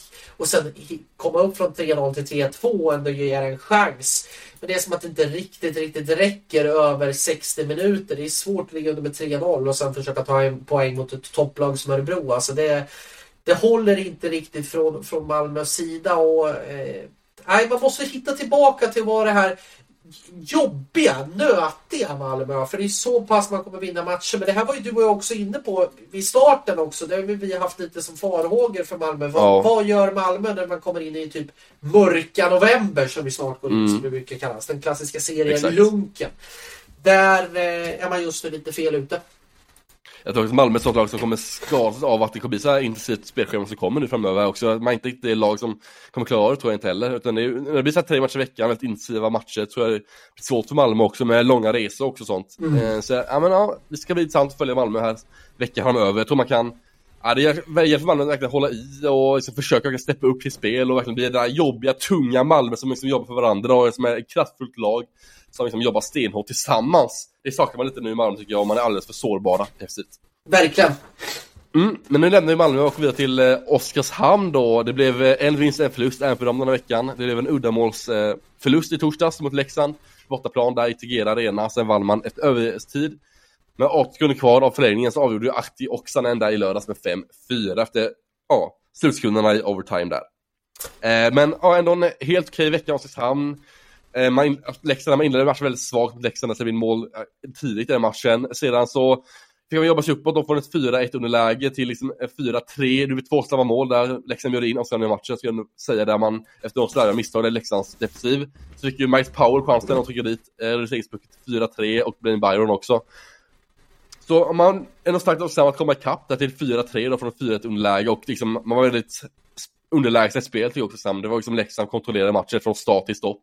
Och var det bättre lag liksom sett över 60 minuter. Och eh, var det lag som dominerade liksom matchbilden tycker jag och var det lag som skapade mest och vann rättvist egentligen den matchen, så jag gärna vågar påstå. Men ändå är liksom starkt och fram att den hämtar upp då 4-1 underläge till 4-3 eh, torsk med slut. Så ändå starkt och fram att komma ikapp där mot slutet. Absolut. Eh, det som jag är lite orolig kring, kring Oskarshamn det är ju försvarsspelet. Det är ju att man släpper in ja för mycket mål. Man gör ju ganska mycket och har ganska bra i offensiven. Mm. Alltså, man har ju Karlqvist som är helt fantastisk. Alltså, ta in gubben i skidskyttelandslaget. Han har ju liksom skytte som är fan med Björn Ferry-klass alltså. Men defensiven så läcker det för mycket. Alltså, man har inte riktigt den här eh, Rico har ju varit jätte, jättebra på, på backsidan men man har inte riktigt sådär att det, det stämmer mm. inte riktigt totalt sett tycker jag i, eh, i, eh, i Oskarshamn. Jag tycker det finns mer att hämta av Rikland. Han tycker han lite för, eh, lite för klen i egen zon. Jag tycker han var inne på liksom tre baklänges, baklängesmål där mot Leksand i torsdags bland annat. Och han är för, han är inne för, för mycket mål bakåt tycker jag, Rikland. Lite för dåligt defensivt än så länge. Han måste liksom upp och ställa upp sitt spel ännu mer tycker jag. Eh, så han måste verkligen få ut mer sitt spel. Eh, Lilleberg Lilleberg var väldigt bra den veckan och fram tycker jag. Han börjar ta steg som blir bättre och bättre. Fantastiskt liksom, bra talang. Så går lite under raden där när det gäller talangen. Men han är liksom en storväxt, kraftfull eh, back som även är draftad av Arizona Coyotes. Eh, men eh, så han börjar ta steg som att bli bättre och bättre och väldigt bra defensiv back. Men just Rikola och eh, ja, men Pyret är också man borde kräva mer utav i Oskarshamn. Han har inte heller varit på den nivån han brukar vara. Eh, så där behöver man liksom få ut ännu mer av de två i defensiva spelet bland annat. Eh, så för mycket mål bakåt tycker jag, för mycket enkla mål bakåt framförallt. Eh, så det måste man verkligen slipa bort tycker jag. Powerplayet som jag kritiserade förra veckan har blivit mycket bättre tycker jag. Eh, så det är kul att se att powerplayet börjar liksom gå i rätt riktning nu. Karlqvist gjorde mål i powerplay bland annat i lördags och sånt. Så det är kul att se om man hittar liksom ett annat rörelsemönster i powerplay tycker jag. Man börjar liksom skjuta mer, man hittar mer öppna ytor, man, spe, alltså man hittar liksom bättre rörelser och spelar snabbare passningsspel. Man börjar, man börjar liksom, ja, nu börjar man ändå få upp en bra struktur i powerplay tycker jag i Oskarshamn. Eh, så det börjar bli bättre och bättre där, man tar steg för steg där och det är väldigt kul att se att man verkligen, ja men tar gå igenom detaljer och verkligen eh, ta tillvara på det. För man har fantastiskt skickliga spelare som liksom kan leverera på ett bra sätt i powerplay där med Suomela, Byron, Karlqvist och sådana spelare. Så det är kul att se att man liksom börjar få ihop helheten där i powerplayet. Eh, och sen defensiven måste upp, eh, också varit väldigt bra än så länge. Eh, man börjar liksom producera mycket, man producerar mycket mål och sen tycker jag. Och, och, ja, det är kul att se, man, börjar, man är ett offensivt glatt lag och sen mycket mål framåt, så det är kul att se att man kan leverera även i år offensivt och inte bara i svaga defensivt. Ja, det är jätteroligt att se liksom offensiven och Oskarshamns matcher tycker jag är jätteroliga att titta på när man sitter som, som Det händer mycket och det svänger mycket. det- Det svänger och det är, det är riktig dansbandshockey om man får säga Ja. så. Liksom. Men det är ju det. defensiven som, om man ska klara sig kvar i SHL så måste man, och det Mm. är ju Martin Felander också bra på tidigare. Tidigare år har jag varit bra på att sätta just defensiven men jag tycker att eh, i år har man lite, lite kvar på den biten att att jobba på. Men det kanske blir en podden-effekten som vi fick med Powerplay förra. Ja, det får vi se helt enkelt. Men eh, som säger, Dessel måste bli mycket bättre Oskarshamn. Du håller helt med dig om där. Men det är Oskarshamns vecka som sagt. Eh, en vinst, en förlust. Och nu går vi vidare till nästa Smålandsgäng som är då Växjö Lakers. Som hade en ännu tyngre vecka den veckan. Man eh, eh, fick två förluster på två matcher då. Man inledde ju eh, veckan med en eh, strafftorsk mot Malmö då på hemmaplan i torsdags. Och sen torskade man med 5-2 där mot HV71 i lördag som sagt efter en tung, tung, tung start av Växjö Lakers som inte riktigt var med i matchen från start. Man satt kvar på bussen så att säga, som tidigare.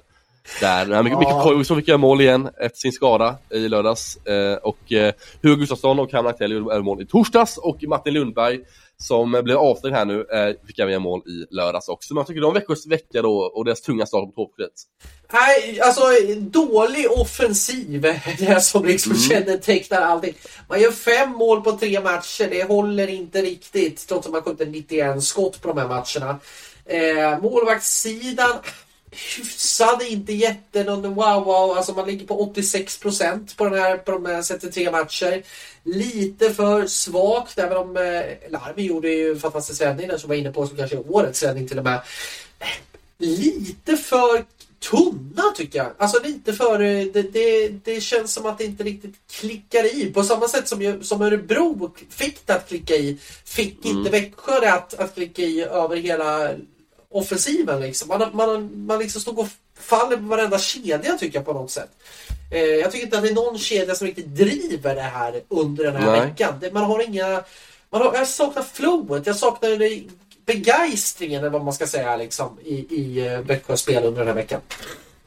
Men jag saknar ju en leading line i Växjö, liksom någon som verkligen tar tag och liksom drar upp tempot, och verkligen kan liksom få fast pucken i alltså, i offensiv zon. Alltså en utpräglad fötterkedja liksom, som liksom leder laget framåt, det har man inte i Växjö tycker jag inte, tyvärr.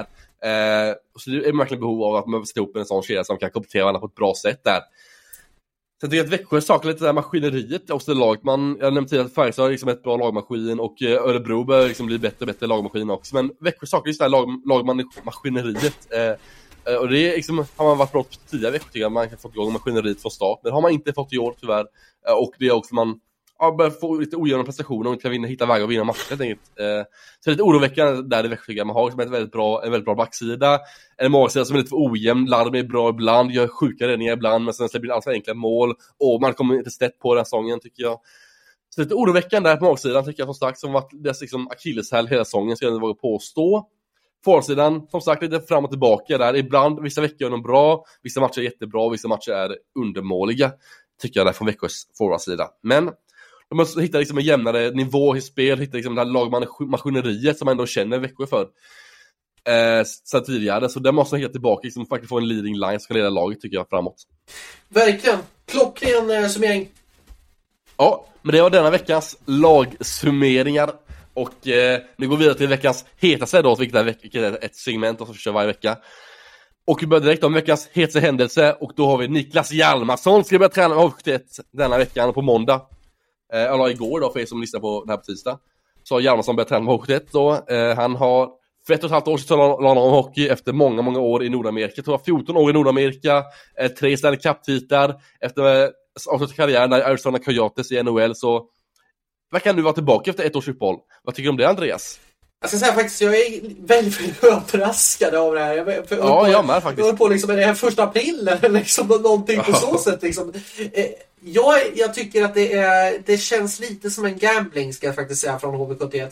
Det kan bli jätte, jättebra men det kan också gå fullständigt åt eh, knasen om man inte får in. För just den här rekryteringen för HV blir jätte, jätteviktig.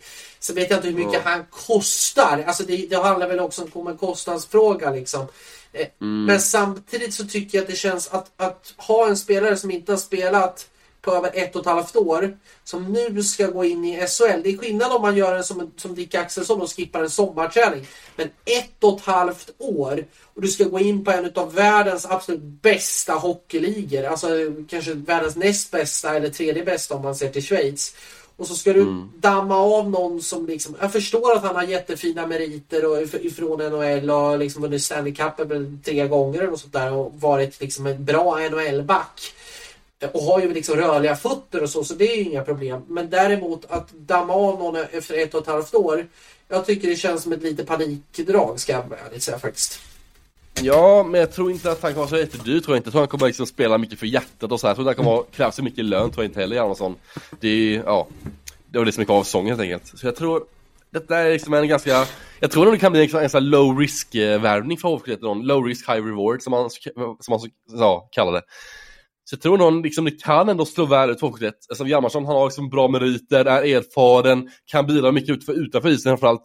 Som jag, alltså, kan jag tycka att eh, det är bra att få in en sån gubbe utanför isen, utanför isen att, eh, som kan hjälpa laget och att ta nya steg och alltså, han är liksom en spel, ställer krav på sina medspelare och verkligen liksom kommer upp med en höga ambitioner och en hög kravställan. Vilket man kan behöva i tycker jag, för ibland så är man lite för dålig på det. Eh, så det kan ändå vara ett bra statement med att få in en sån spelare som Hjalmarsson med sina meriter och uh, då får han spela ihop med Burk igen och spela tillsammans med Arizona också. Det ska bli kul att se om de spelar tillsammans där i huvudet också. Men du känner mm, liksom inte, för, för, det jag kan känna, jag kommer ihåg när Örebro tog in Niklas Grossman för några år sedan. Nu är det en helt ja. annan typ av backtyp som inte alls klarade av alltså, tempot i, i SHL och sådär. Hjalmarsson har ju rörligare fötter, det måste vi verkligen säga. Det ska vi mm. noga poängtera. Men alltså ta in någon som har varit borta i ett och ett halvt år. Ja, alltså det, det beror lite på så här. Det är ju jag kan säga som mesta, mest, alltså största risken, det är skaderisken tycker jag framförallt. Som kanske är den största risken att eh, man blir lite mer sårbar om man liksom blir tacklad och hamnar i sådana situationer som man kan bli efter ett och ett halvt års uppehåll från liksom, elithockeyn. Så där ser jag som största risken egentligen för Hjalmarssons del och HVs del att man liksom, kan tappa på grund av skador och sånt. Men jag tror inte att, ser man till spelet, liksom, jag tror inte han är sämre än Filip Westerlund eller Rasmus Bengtsson eller något sånt. Jag tror inte han kommer vara sämre, tror jag inte. Det gäller bara att ge, ge en tid, ge en lite tålamod, liksom, få han liksom några veckor nu att träna in sig och komma in liksom, i spelet och komma in liksom, i... Man ska inte för bråttom med han tror jag inte, man ska liksom, vänta liksom, många veckor, alltså tror jag månader tror jag man kan, alltså, mm. efter, alltså innan, innan det här året är slut, ska man inte köra man tycker jag inte, man ska vänta till januari, februari någonstans och sen börja spela han i januari kanske. Ja, man får ju absolut inte som HV-fan heller ha de förväntningarna att han ska gå in och vara någon form av Theodor Lennström eller liksom eller liksom Lukas Bengtsson eller någon form av sånt. Eller Anton alltså, Lindholm kanske är mest Anton, Anton Lindholm är kanske mest ja. likt. Eller, eller Filip Holm ska vara också ungefär ja. samma spelartyp. Där kommer det inte att vara. Alltså det, det, det, det tror jag är omöjligt. Det, då får man se det som i slutet av säsongen att det ska vara en förstärkning på så sätt i, i det långa loppet. Men ser man det kort sikt, om man nu kommer att ansluta till HV, han ska ju börja träna i alla fall, så får vi se hur, hur det kommer gå. Men det, det är en intressant eh, Ja, intressant eh, drag, det får man väl Ja men verkligen. Säga. Det är kul att, alltså det är bra för att få in som ett sånt stort HV-hjärta liksom också. Det är bra att man får in som spelare som liksom för kulturen vidare kan man säga. Eh, och kan föra ja, viljan, kämpaglöden, liksom när det går motigt, då är sådana spelare som kan stå upp för laget och göra det på ett bra sätt. Så det kan bli bra, men man ska inte ha för förväntningar tror jag inte här i början. Man ska ha tålamod med och låta honom liksom komma in i grejerna eh, på ett bra sätt och liksom vänta ut så han får träna och bygga upp sin kropp lite mer. Absolut. Jajamän, så det har veckats helt händelse alltså att ni Men vi har ju en, till, en till händelse som har liksom varit rejält med sprängstoff under veckan. I torsdags gick Thomas Mittell ut i den här ja, intervjun med Simor. Vi ska lyssna hur det lät. Jajamän.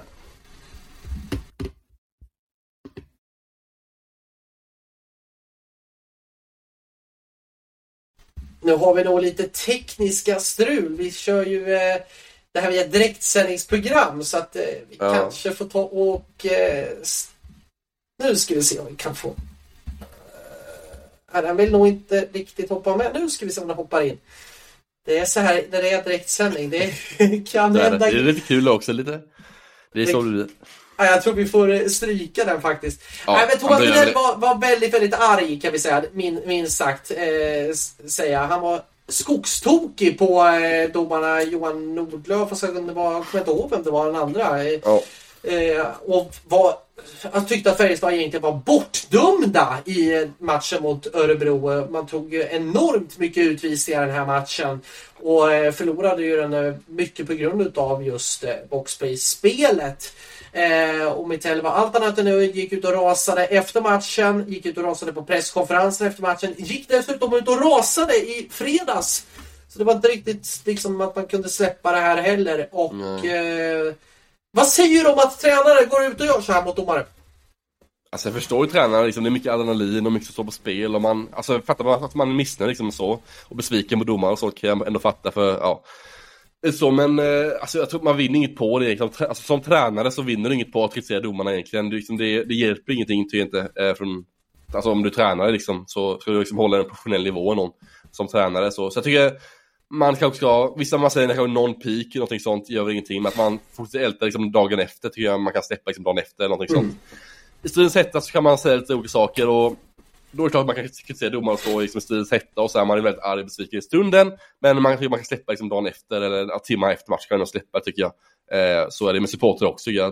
Man liksom är arg i stundens hetta men sen dagen efter kan man släppa det på ett, ett, ett bra sätt. Liksom. Det, det är ju så, det är fram och tillbaka och även de är människor och man måste ha förståelse för det också. Det är inte lätt alla gånger, men eh, man förstår varför man är arg vid stunden så, och man kan vara besviken stunden, det får man jättegärna vara eh, och så, men man kan ändå släppa liksom dagen efter eller så. Jag exakt, jag diskuterade det här med en äh, agent faktiskt här nu under, under veckan som var lite intressant, som jobbar mycket borta i Nordamerika med ett antal klienter där. Äh, och han ville se att svensk hockey eh, gör ett förbud likt NHL faktiskt har. Att eh, om eh, tränare går ut och kritiserar en domare i eh, direktsänd TV eller annat media så får man eh, böter. Ganska mm. så höga bötesbelopp och jag skulle faktiskt kunna tänka mig att se någonting i, i den stilen här också. För det är skillnad också att gå ut och kritisera i media än att vara förbannad och gå ut och ta det internt. Eh, mm. Dels så tycker jag tv-bolagen i Nordamerika gör det mycket, mycket bättre på att bygga deras hockeyprodukt med att inte hålla på och fokusera på situationer som tacklingar, filmningar. Alltså det känns som att vi bara har hamnat i, en, i någon form av ändpunkt där. Vi, vi har slutat. Hur många pratar om Mattias Bromés läckra Kenta Nilsson-dragning? Ja, det var en del Örebro-supportrar. Men istället var det att ah, han missade den här situationen. Han missade mm. den situationen. Och likadant med Wikegård som stod och, ursäkta uttrycket, men jag har skrivit en krönika om det också. Som jag, nu, ska, nu kommer jag bli förbannad här nu. Nu, får, nu, får, nu ska vi liksom... Håll i hattarna nu. Ja, dra i. Alltså hur en ledande studieexpert kan sitta och liksom dra mer alltså, jetbränsle på den här debatten som är på sociala medier som är som en jäkla stinkbomb hela tiden. Där vi bara fokuserar på situationer, det ska giffas, allting ska vara liksom petimeterrättvisa. Och hur han bara drar på. Det är bara som att slänga en dunk, en hel liksom tank med jetbränsle på det här. När man går ut och kritiserar en jättebra Johan Nordlöf som också erkände att det kanske blev fel i vissa situationer. Vilka man måste acceptera från domarnas sida. Vi har inga robotar som dömer hockeymatcher. Det är liksom SHL eh, spel, det spelas över 500 matcher får man också tänka på. Det känns som att Twitter och sociala medier det har blivit liksom någon eget form av situationsrum. Där vi liksom ska, ska liksom granska varenda bildsekvens och varenda situation i enskilda händelser. Jag kan tycka att domarnivån på just den här matchen kanske var lite väl hård i vissa situationer. Men då får man också köpare och jag tycker att det är fel som Mitell gör att gå ut och liksom kritisera domarna dels i TV efter matchen, att inte kunna lägga det dagen efter matchen och sen som Wikegård gör ut, alltså det är ett slag i ansiktet. Hade jag varit domarchef, hade jag jobbat som på eh, liksom, fackförbund för domarna i det här läget, som är SIFO då tror jag. Jag hade tagit ut de här i strejk, en SHL-omgång och så hade ni sagt att vi är så jävla trötta på den här arbetsmiljön just nu. Och skärper det inte, då, då, kommer vi sluta. Då kanske folk hade sagt, sett att det här är inte en hållbar nivå. Vi kan inte ha det så här. Hur ska vi kunna rekrytera domare till svensk hockey när vi har det så här? Hur ska vi liksom få unga, hungriga människor kunna verkligen känna att Nej, men jag blir utskälld av en studiereporter eller av en studieexpert där som sitter liksom och massakrerar och inte ens lyssnar på vad jag säger. Vi har fans som bara liksom liksom efter varje situation. Gör jag ett misstag då kommer jag bli lynchad för det. Jag är så trött på den här management by fear-grejen mot domarna. Ursäkta men jag är, jag är redigt förbannad just nu. Som du kanske hör.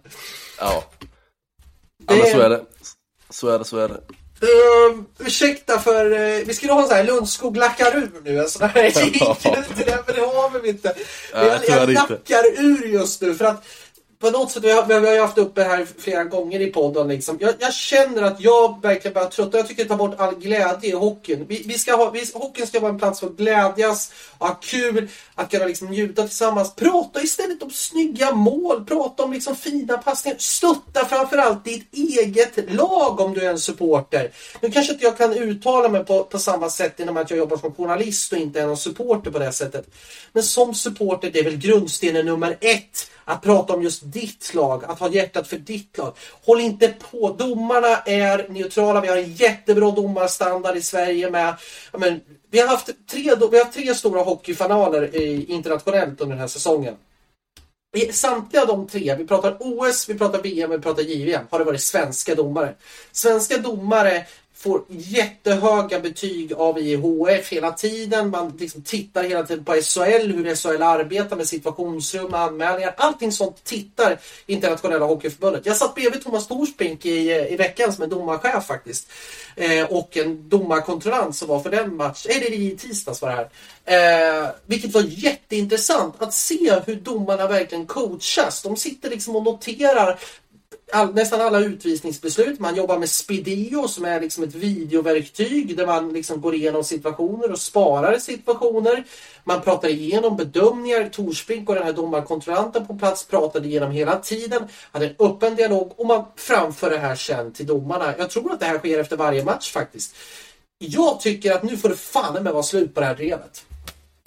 Jag håller, ja, det är, jag håller med dig där, men eh, jag tycker också bra domare att gå ut och så här, prata situationen efter matchen. Lite hockeysvenskan, jag tycker att, alltså det jag märker av är att hockeysvenskan, det är lite lika mycket som, som säga domare tycker jag inte. Det är liksom en lite jämnare, alltså lite en bättre nivå där. Det är liksom SHL är lite mer kritiserande och sånt. Eh, men det är för att jag tycker domarna liksom eh, lägger locket på. Eh, jag tycker att man som domare kan liksom vara lite mer öppen och så här, ibland liksom kan man ändå säga att man gjorde fel och så förklara varför man gjorde fel och så, eller så här, förklara varför man gjorde så eller si eller så. Alltså, folk skulle få mer förståelse för det tror jag, som man får i hockeysvenskan bland annat. Mm. Så jag tycker det är nog har varit en väg framåt, att man liksom lite mer Alltså då är det inte så att man blir utfrågad, det är så att man... Transparent samtal! Mm. Ja, att man, får, att man får situation bara som mm. domare, så får du liksom förklara situationen, liksom, varför tog du utvisning på den här? Och så får man förklara utvisningen och sen det inga följdfrågor på det, utan det är bara liksom, han förklarar hur han tänker, sen det inga följdfrågor på det. Exakt! Då skulle det vara ett snabbt och bra tillvägagångssätt liksom, för domarna och även för oss supportrar och eh, journalister och allt vad det nu är, liksom få bättre förståelse över hur domarna jobbar och även hur domarna tänker på isen och sånt. Det är väldigt viktigt tror jag. Mm att man hade gjort någonting sånt. Alltså någonting sånt, för det här skulle kunna underlätta liksom få lite, mer närhet mellan liksom, domarna och experterna och journalisterna och support och allt. Mm. Det har varit en bra väg framåt tycker jag, och lite mänsklig väg framåt också. Där man får lite mer förståelse över domarna och deras jobb. Men nu lämnar vi domarna och deras jobb tycker jag. Det gör vi. Eller, eller, sista ord. Ja, hade, hade, hade det inspelbara sista där att, att man ja. måste också ha någon i studion då som också kan, kan lyssna på grejerna. Att inte liksom ja, det för, förutfattade meningar och inte, inte liksom kunna ta till sig den informationen som domarna får. Men ja. ursäkta om jag, tycker... jag lackar ur ja. ganska rejält. Ja, men det är kul. Hockey är känsligt, det ju så. Ja, nu var måttet rågat på något sätt. Ja. Men jag tycker det räcker med en fråga bara, hur tänker du situationen? Och svara på hur du tänker situationen, sen är det slut liksom. Ja. Jag tycker man behöver inte ha så här 17 följdfrågor, tycker inte man behöver. Det räcker med en fråga. Mm. Hur tänker du här? Och så förklarar du hur man tänker och sen är det klart. Men då skulle jag ge och ta där. Då skulle jag ge och ta i regelboken. Jag skulle dels säga att, att tränare och spelare får gå ut, gå ut och få böter om man, om man går ut öppet och kritiserar en domare. Har man några synpunkter då tar man det internt. Men då ska också domarna kunna ställa upp efter varje match till TV och ge information. Det tycker ja, jag hade varit en bra, bra transparent väg framåt. Jajamän, och nu går vi till nästa punkt då. Veckans hitspelare då den här veckan har jag valt ut eh, Carter Camper. Det fanns ju en del spelare väldigt på den veckan. Mattias Bormé gjorde en fantastisk vecka där. Emil Larsson en bra vecka. Liksom Justin Kloos hade en fantastisk vecka i. Där och Filip Berglund gjorde en väldigt bra vecka i Örebro också. Men Carter Camper tycker jag var en, liksom, det är en spelare som gick ut i varje, varje match och jag är väldigt chockad över att liksom, han håller så hög nivå liksom, i varje match också. Mm. Jag är chockad. Och han gjorde hattrick i lördags också och eh, en fantastiskt bra spelare liksom, och väldigt spelskicklig och bra spelare i Leksand. Och, ja, han är fantastisk att beskåda och topp tre får i hela ligan så jag ändå våga påstå att han är Cott Camper.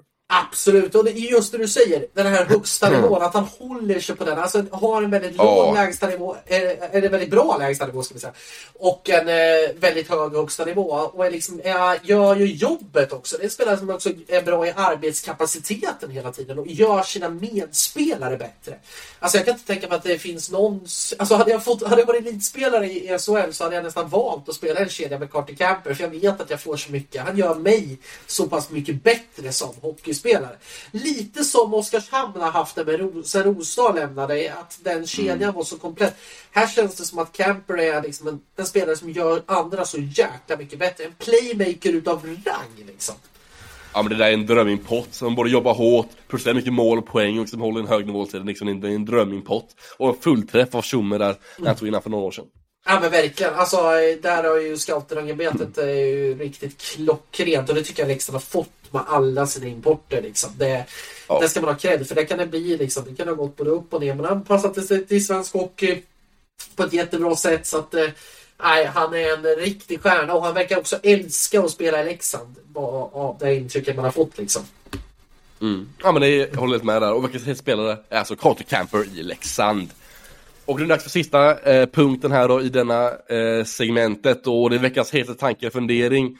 Eh, väldigt svårt vecka tycker jag att ta fram sånt här men jag valde nog till slut att eh, jag tror att Rasmus Bengtsson kommer lämna Hockeyet nu med tanke på Niklas Hjalmarssons eventuella intåg. Jag tror om det är Andreas. Ja, men det tror jag också. Jag tror att han kommer få eh, tufft där och få speltid. Jag tror att det är bättre om han kanske går till en hockeyallsvensk klubb faktiskt. Ja, Jag tror att men han är, nog, han är nog en bra SHL-back sen. Alltså Timrå hade varit en perfekt situation för honom tycker jag. Han var liksom femte, sjätte back i Timrå, perfekt tycker jag för honom. Som liksom fyller ut backsidan där på ett bra sätt. Så, eller ja, så jag tycker det är no alltså, spela med en annan liksom, bra backpartner. Det sa vi till exempel HV, eller i Djurgården så var nog en, liksom, en bra back i Djurgården. En av många som är godkänt av mig i alla fall efter säsongen där. Eh, mm. sina prestationer i den säsongen. Så jag tycker ändå att Lasse Bengtsson, det är lite late, bloom, late, late bloomer liksom och Ja men det är en bra spelare, hamnar i rätt miljö så är det liksom en bra SHL-back tycker jag. Eh, mm. som kan spela både offset och defensivt. Så där borde något eh, SHL-lag hugga i så fall om man får lämna HV71. Eh, Absolut. Men Torra kommer lämna också rätt länge för man får helt enkelt för mycket backar. Och Westerlund börjar ta för sig nu. Torp har ju HV-hjärta och Glad är väldigt bra också ibland. Så om det är Bengtsson som får utföra laget har Bengtsson gjort och fått svårt med speltiden. Väldigt så jag bra tror att han kommer att lämna också rätt. Ja. Väldigt bra spaning. Så, så där har vi den veckans spaning, eller veckans hela tanke eller fundering alltså. Hans Bengtsson lämnar HV71. Andreas, har du några mer heta punkter att ta upp eh, den här veckan? Jag har varit inne på tidigare att Aledja lämnar Timrå för 71, och inne på att Lytinen kommer till Timrå och gjorde, mål, eh, gjorde poäng direkt där i första matchen. Och eh, vi har fått se två avstängningar den här veckan. Rikla stängs av tre matcher för en tackling han gjorde mot Seb Forsfjäll. Och Martin Lundberg stängs av eh, lika så för samma antal matcher då, tre matcher då. Eh, för huvudtacklingen också mot eh, Tyrell Vessel där i HV71. Vad tycker du om de avstängningarna till att börja med? Nej, men jag tycker också att det varit ganska så bra även där. Det, alltså det, det är klart att Rikkola kanske var lite väl hårt med tre matcher. Men, och Lundberg tycker jag också var ganska så hårt. Om man ser till Roselle Olsson tycker jag skulle ha varit mer med den nacksvingen som han gjorde där på Färjestad och Ja. slaget i ansiktet som var för, förra veckan. Förra veckan var det och Mm. Eh, men jag tycker ändå att det, det, det, det känns stabilt. Jag tycker att det är bra att de blir, blir Mm. granskade de här eh, situationerna. Det så mycket kan jag säga. Ja men jag håller helt med, jag tycker det är, alltså det är två kor- korrekta beslut tycker jag någon, att eh, tre matcher för båda, det känns ändå rätt, rätt så rimligt. Eh, det är ganska, de hade både förmildrande omständigheter, båda hade de ju, att eh, första, Rika sa ju att det var en låg fart, så det är förmildrande omständigheter och därför blev det bara tre matcher.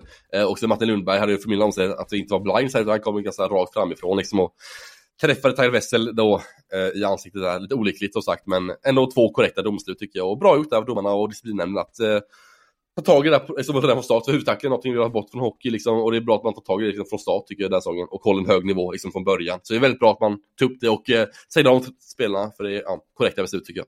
Och vad Eh, skönt båda. att vi inte hade några filmningsavstängningar den här veckan va? Visst Ja, jo, det? just det. det, Ja, tyckte, nej. det tyckte jag Det är också skönt att slippa det snack, alltså jag är trött på det snack. Det, Ja. det innebär att domarsnacket att det är mycket, men jag tycker filmsnack det är otroligt tröttande faktiskt. Ja. ja det är, Ja, det, är, det är liksom trötthetens Rolls Royce inom hockey. Ja, det är liksom, där, herregud. där är det liksom, nej fy alltså. Det, nej, det vill jag gärna skippa. Men du, vi har fått in lite lyssnarfrågor tror jag också va?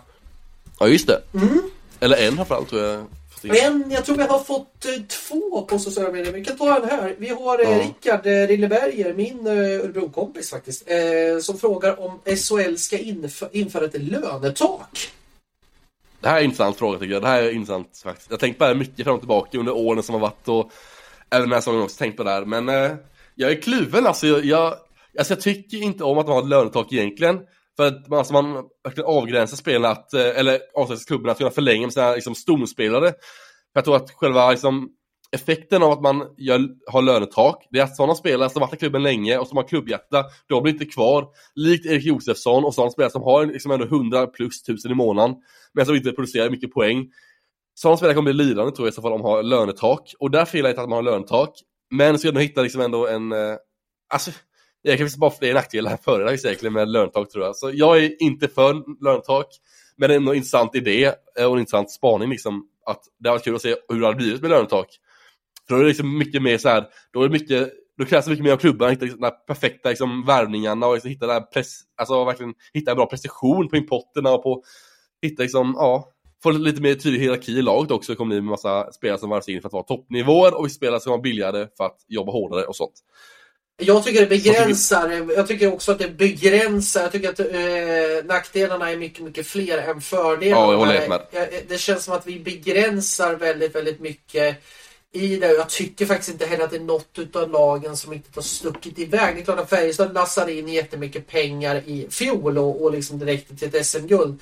Men det är ju inte så att bara för att du lägger massa pengar på en spelarbudget så kommer du vinna SHL. Så, så är det inte. Nej, så är det inte. Och det, det är liksom, det, det, är inte så, det är jättestora differenser mellan lönebudgeten om man har tittat. Det är klart att nykomlingar brukar ha väldigt, väldigt eh, lite liksom i, i avtal. Eh, eller i spelarbudget under första åren där för att kunna etablera sig. Eh, och dessutom får man ju en fallskärm som jag tycker är helt fel att man ska betala ut till ett hockeyallsvenskt lag om man slår det laget. Det tycker jag är bedrövligt hur, mm. det här systemet fungerar. Det tycker jag ska ske ja, centralt med alla, alla klubbar istället.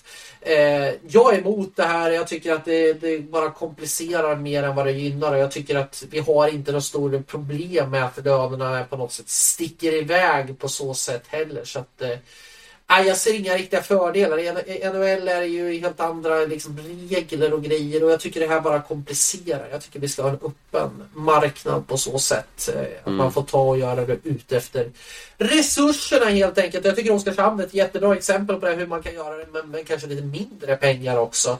Eh, hur man kan lyckas liksom etablera sig i SHL. Och, eh, nej, så att jag, jag, jag är inte alls för lönetak på något sätt. Ja, men jag håller helt med där faktiskt. Eh, NHL har ju löntag för att det är, det är mycket mer pengar inblandat också. Det är, liksom, det är en miljard personer som liksom är inblandade. In, det går inte att lägga flera miljarder på en trupp liksom. Eller så. Lite konstigt, vissa lägger så här 10 miljarder, vissa lägger liksom 100 miljoner liksom. Det är lite, lite skillnad och NHL liksom, pengamässigt är det mycket högre liksom. Ja, ekonomiska resurser där och sånt. Så, men jag håller med dig att SHL har bara ut, det hade självt mer vad det hjälpt. Ja, och sen, sen är det det att de har ju draftsystem också så de får ju in liksom ja. bra unga talanger hela tiden på en växande kvot liksom. Med, mm. med liksom oftast det blir sju val varje sommar och det känns lite konstigt ja. om vi skulle tagit det i SHL där inte detta finns. Då skulle man behöva nästan ha någon form av liknande system att man får tinga spelare. Då tycker jag vi är inne på helt fel. Då tycker jag vi tappar det här svenska fina liksom att man kan få stanna ja. kvar i en klubb. Och det blir för mycket business över det hela liksom.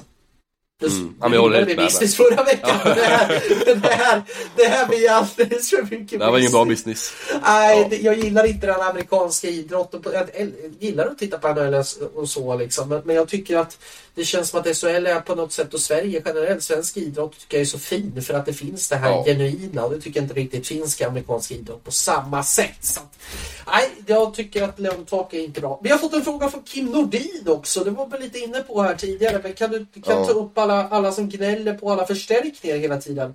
Vad kommer ligan att göra om något? Ja, men där har vi ju liksom haft ganska tydligt att man har haft ett fokus på just de här som filmar. Man har delat ut eh, eh böter och sådana saker.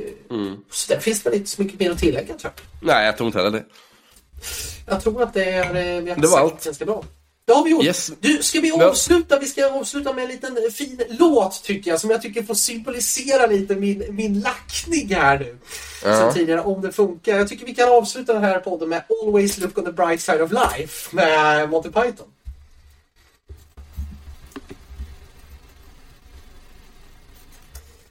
Ja, nu hade vi, har vi det här IT-haveriet så jag tror inte det kommer funka. Men vi får väl... Vi får väl och jag tänker inte ställa upp på någon... Eh, jag tänker Men så kör tävlingen då istället kanske, tävlingen. Nu ska vi se, nu Så, har jag, nu har jag så, IT, nu. IT-strul så det bara sjunger om det här. Ja. Vi kör tävlingen, Vi, vi, vi kör på. tävling istället då, eh, Andreas, eller tävling, tävling, jag kommer testa kunskaper lite. Eh, veckans segment är alltså vilken SHL-spelare är jag? Och jag kommer alltså Tar inspiration ut från Stanley Svensson-podden och lite Premier League-studior och sånt. Då kör man alltid så här att på fem poäng, då är det en, eh, som en ledtråd, så blir det fyra poäng, så blir det tre poäng, så blir det två poäng, så blir det ett poäng. Det är ledtrådar på varje poängskala. Det, bör, alltså det är svårt, fem poäng så är det svårt, så blir det lättare och lättare för varje steg man kommer ner. Eh, helt enkelt. Och detta handlar om, om en aktiv eh, SHL-spelare som spelar SHL här och nu.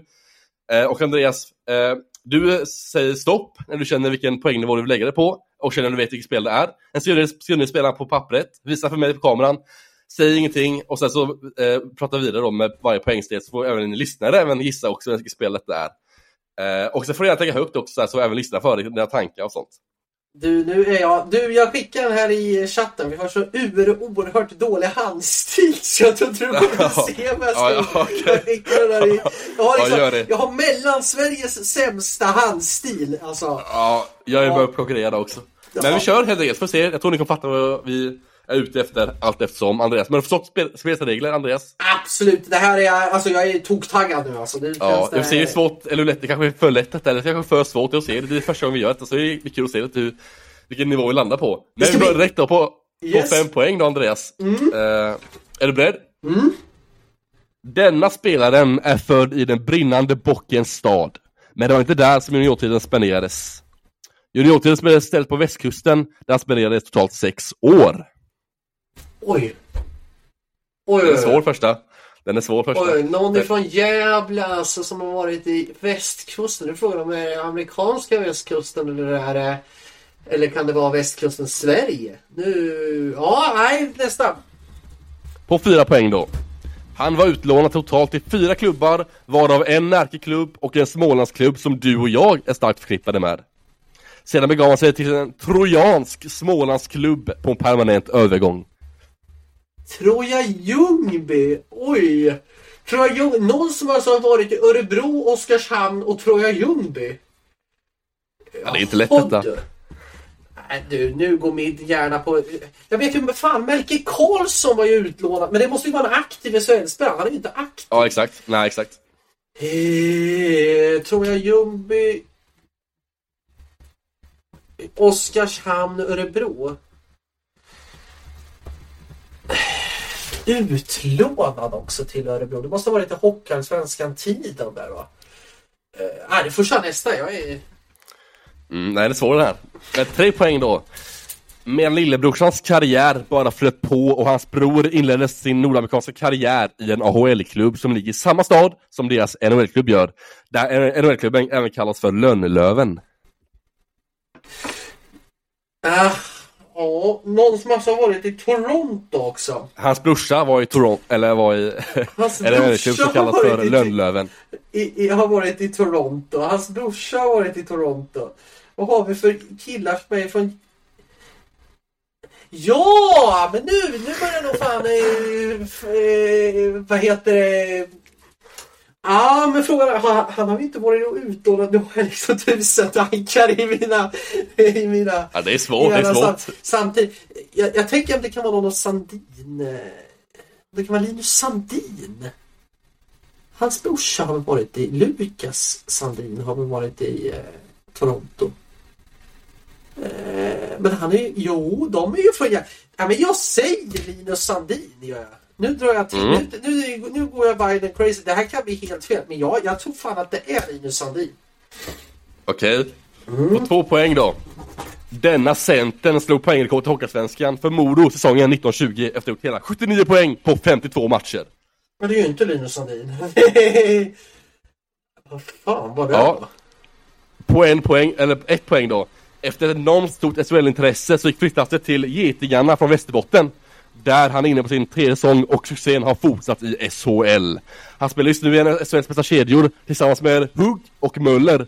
Och frågan är om han får en chans till NHL och kan också se med- med sin brorsa i eh, Devils. Jag gick ju bort med fullständigt. Vem är spelaren Andreas? Jag är fortfarande, fortfarande på tokspel så jag får inte komma på... Jag kommer inte på. Inte, inte än! Inte än, vet vem det Jag har är fått, en sån här hjärnblödning och jag har fått det är liksom... Fått en sån här tia som jag... Nej. Kommer inte på. Jag är Jonathan Jonsson. Åh, Andreas Jonsson också ja. Åh. Åh, just det. Ja, det här var klurig. Vet, vet du, jag tänker på det här klippet nu. Jag tänker på det här klippet när, när eh, om du har sett se, se, eh, serien Segemyhr. Någon Ja, gång när de ska sp- spela Jeopardy. När han, bara, när, han, när han sitter där och bara Ja, men det finns ju ingen stad som heter Ja, det är så Oskarshamn. men då säger jag väl Oskarshamn då. Han bara, Ja. men hade funnits en stad som heter Oskarshamn har ju själv sagt det. Den är så Exakt. härlig alltså. Exakt. Den. Och det, där, där står, eh, när de har någon ledtråd om Gotlandsfärjan och han bara Det kan Ja. inte vara Västervik va? Alltså finns det någon som heter Oskarshamn har ju själv sagt det. ja herregud. Underbar tävling men fan Ja, vad men det man gjorde underbart. doft med. Ja, Ja, det är fara, det är rätt svårt var det faktiskt, eh, det här. Du ska ha jävla cred för att du fick ihop det där så jäkla snyggt. Ja. Fan men... Ju- Om vi går igenom detta, börjar fem poäng då. Han är född i Gävle, eh, i den brinnande bockens stad. Han spelade juniortiden i Frölunda, i västkusten där i Göteborg. Sen var han utlånad till fyra klubbar i Örebro. Var utlånad i en match tror jag var. det var inte så, var inte så schysst. Eh, Oskarshamn var han utlånad till också några matcher där i eh, Hockeysvenskan. Sen begav han sig till en trojansk Smålandsklubb och det var klart Troja Ljungby jag sökte efter där på en permanent övergång där det blev stor succé. Sen har hans lillebrorsa Andreas Jonsson eh, spelat då i Toronto Marlies till att börja med då, i AHL-klubben som låg i samma stad som NHL-klubben Toronto Maple Leafs. Maple Leafs står för Lönnlöven, vilket även de kallas för då i Toronto. Två poäng då, denna center då, Jonathan Jonsson i center och stod poängrekord i Hockeysvenskan för mål säsongen 1920 efter en Ja. succésäsong då med 79 poäng på 52 matcher såklart. Sen Exakt. ett poäng då, eh, efter, någonstans, efter tio klubbar som inte har honom i SHL, så gick flyttlas till Getingarna då, eh, Skellefteå AIK i Västerbotten. Där han på sin tredje säsong nu och sen har fortsatt även i SHL då. Han spelar just nu tillsammans med Hugo Möller eh, och eh, ja, får se om han får chansen i NHL och tillsammans med sin brorsa. Det är frågan. Det hade varit fint. Det hade varit jäkligt Ja. fint. Andreas Jonsson Det var, det var kul faktiskt gått- och, Hur har gått för? Jag tror han blev nedskickad faktiskt här nu från... Ja men det blev han till eh, farmlaget där, Ja. Utica Comets. Exakt. Exakt. Det är väl samma, samma spel, eh, det är väl samma klubb som Alexander Holt spelar just nu. Mm, exakt, Mm. Får se om han utgår kontrakt han också Jonsson, så får se om han vänder hem till SHL kanske för säsongen. Eller om han är kvar där borta i NHL. Får se. Det hade varit en dum förstärkning. Fantastisk tävling, det måste jag säga. Ja, även om, även om jag, känner mig, jag känner mig som Fredrik Segerby när jag sitter här. Det är så, det är så svårt. Det är så Och så, svårt. och så skyller man på att jag har, liksom, jag, jag får Ja. säga liksom, jag har en hjärnblockad av eh, Ja. Jonathan Jonsson i mitt huvud just Ja. nu i den sekvensen. Ja. Alltså, Ja men det är kul, vad kul, vad, kul att se. Se om ni var bättre än. Andreas. Vi får gärna kommentera sen på sociala medier om ni kunde lista ut vem det var innan Andreas gjorde det. exakt, det vill jag verkligen Ja, det var kul. nu. Då ska jag grilla dig nästa vecka, det ska jag göra. Ja det får du göra, det får du jättegärna göra. se om jag, jag är sämre eller inte. ja, men det, får vi se. det kommer bli roliga segment här framöver sagt. Så det blir bara kul att följa upp detta sen vidare. Exakt! Fantastiskt! Och det är alltid lika kul. Jag rullar iväg i tid det här nu. Man Ja, tänker att vi ska vanligt. bli, bli klar på liksom 1.20 kanske. Nej, det blir en 1.50 nästintill. För Ja. att vi har så fantastiskt mycket att snacka om. Och det är, det är verkligen den roligaste stunden på veckan att få göra den här podden. Ja men så är det verkligen. Det är otroligt kul faktiskt och eh, ja. Nu är ännu en podd över Andreas och det är härligt Ja. att eh, nu blir framåt mot en vecka i SHL med tre matcher. Alla lag spelar tre matcher då, tre fullomgångar, tisdag, torsdag, lördag. Så det är otroligt kul faktiskt att se vad som händer nu i veckan som kommer då. Verkligen. Och det, är, Ja. ja. det är fullt upp här nu. Jag, jag jobbar ju ganska så intensivt så att eh, det blir eh, massor. Kika in på Svenska fans där det finns massor. Du gör ett superjobb med Oskarshamn och flera stycken. Frölunda har en fantastisk Mm. relation. HV gör ett jättejobb. Brynäs gör ett jättejobb. Alltså eh, det är den bästa sajten om du vill ha riktigt initierad information om lagen. Så kika in på sajten, det måste ni göra. Jajamän, det får ni inte göra. In på Svensk Fans och bara stötta alla lag i LSHL och följa upp deras härliga skribenter också. Men det var denna veckans podd och jag hoppas ni har det jättebra den veckan som kommer nu och hoppas att ert lag vinner denna veckan. Får vi se vad som händer eh, och ha det bra så hörs vi nästa tisdag igen. Eh, hej då! Tackar jag!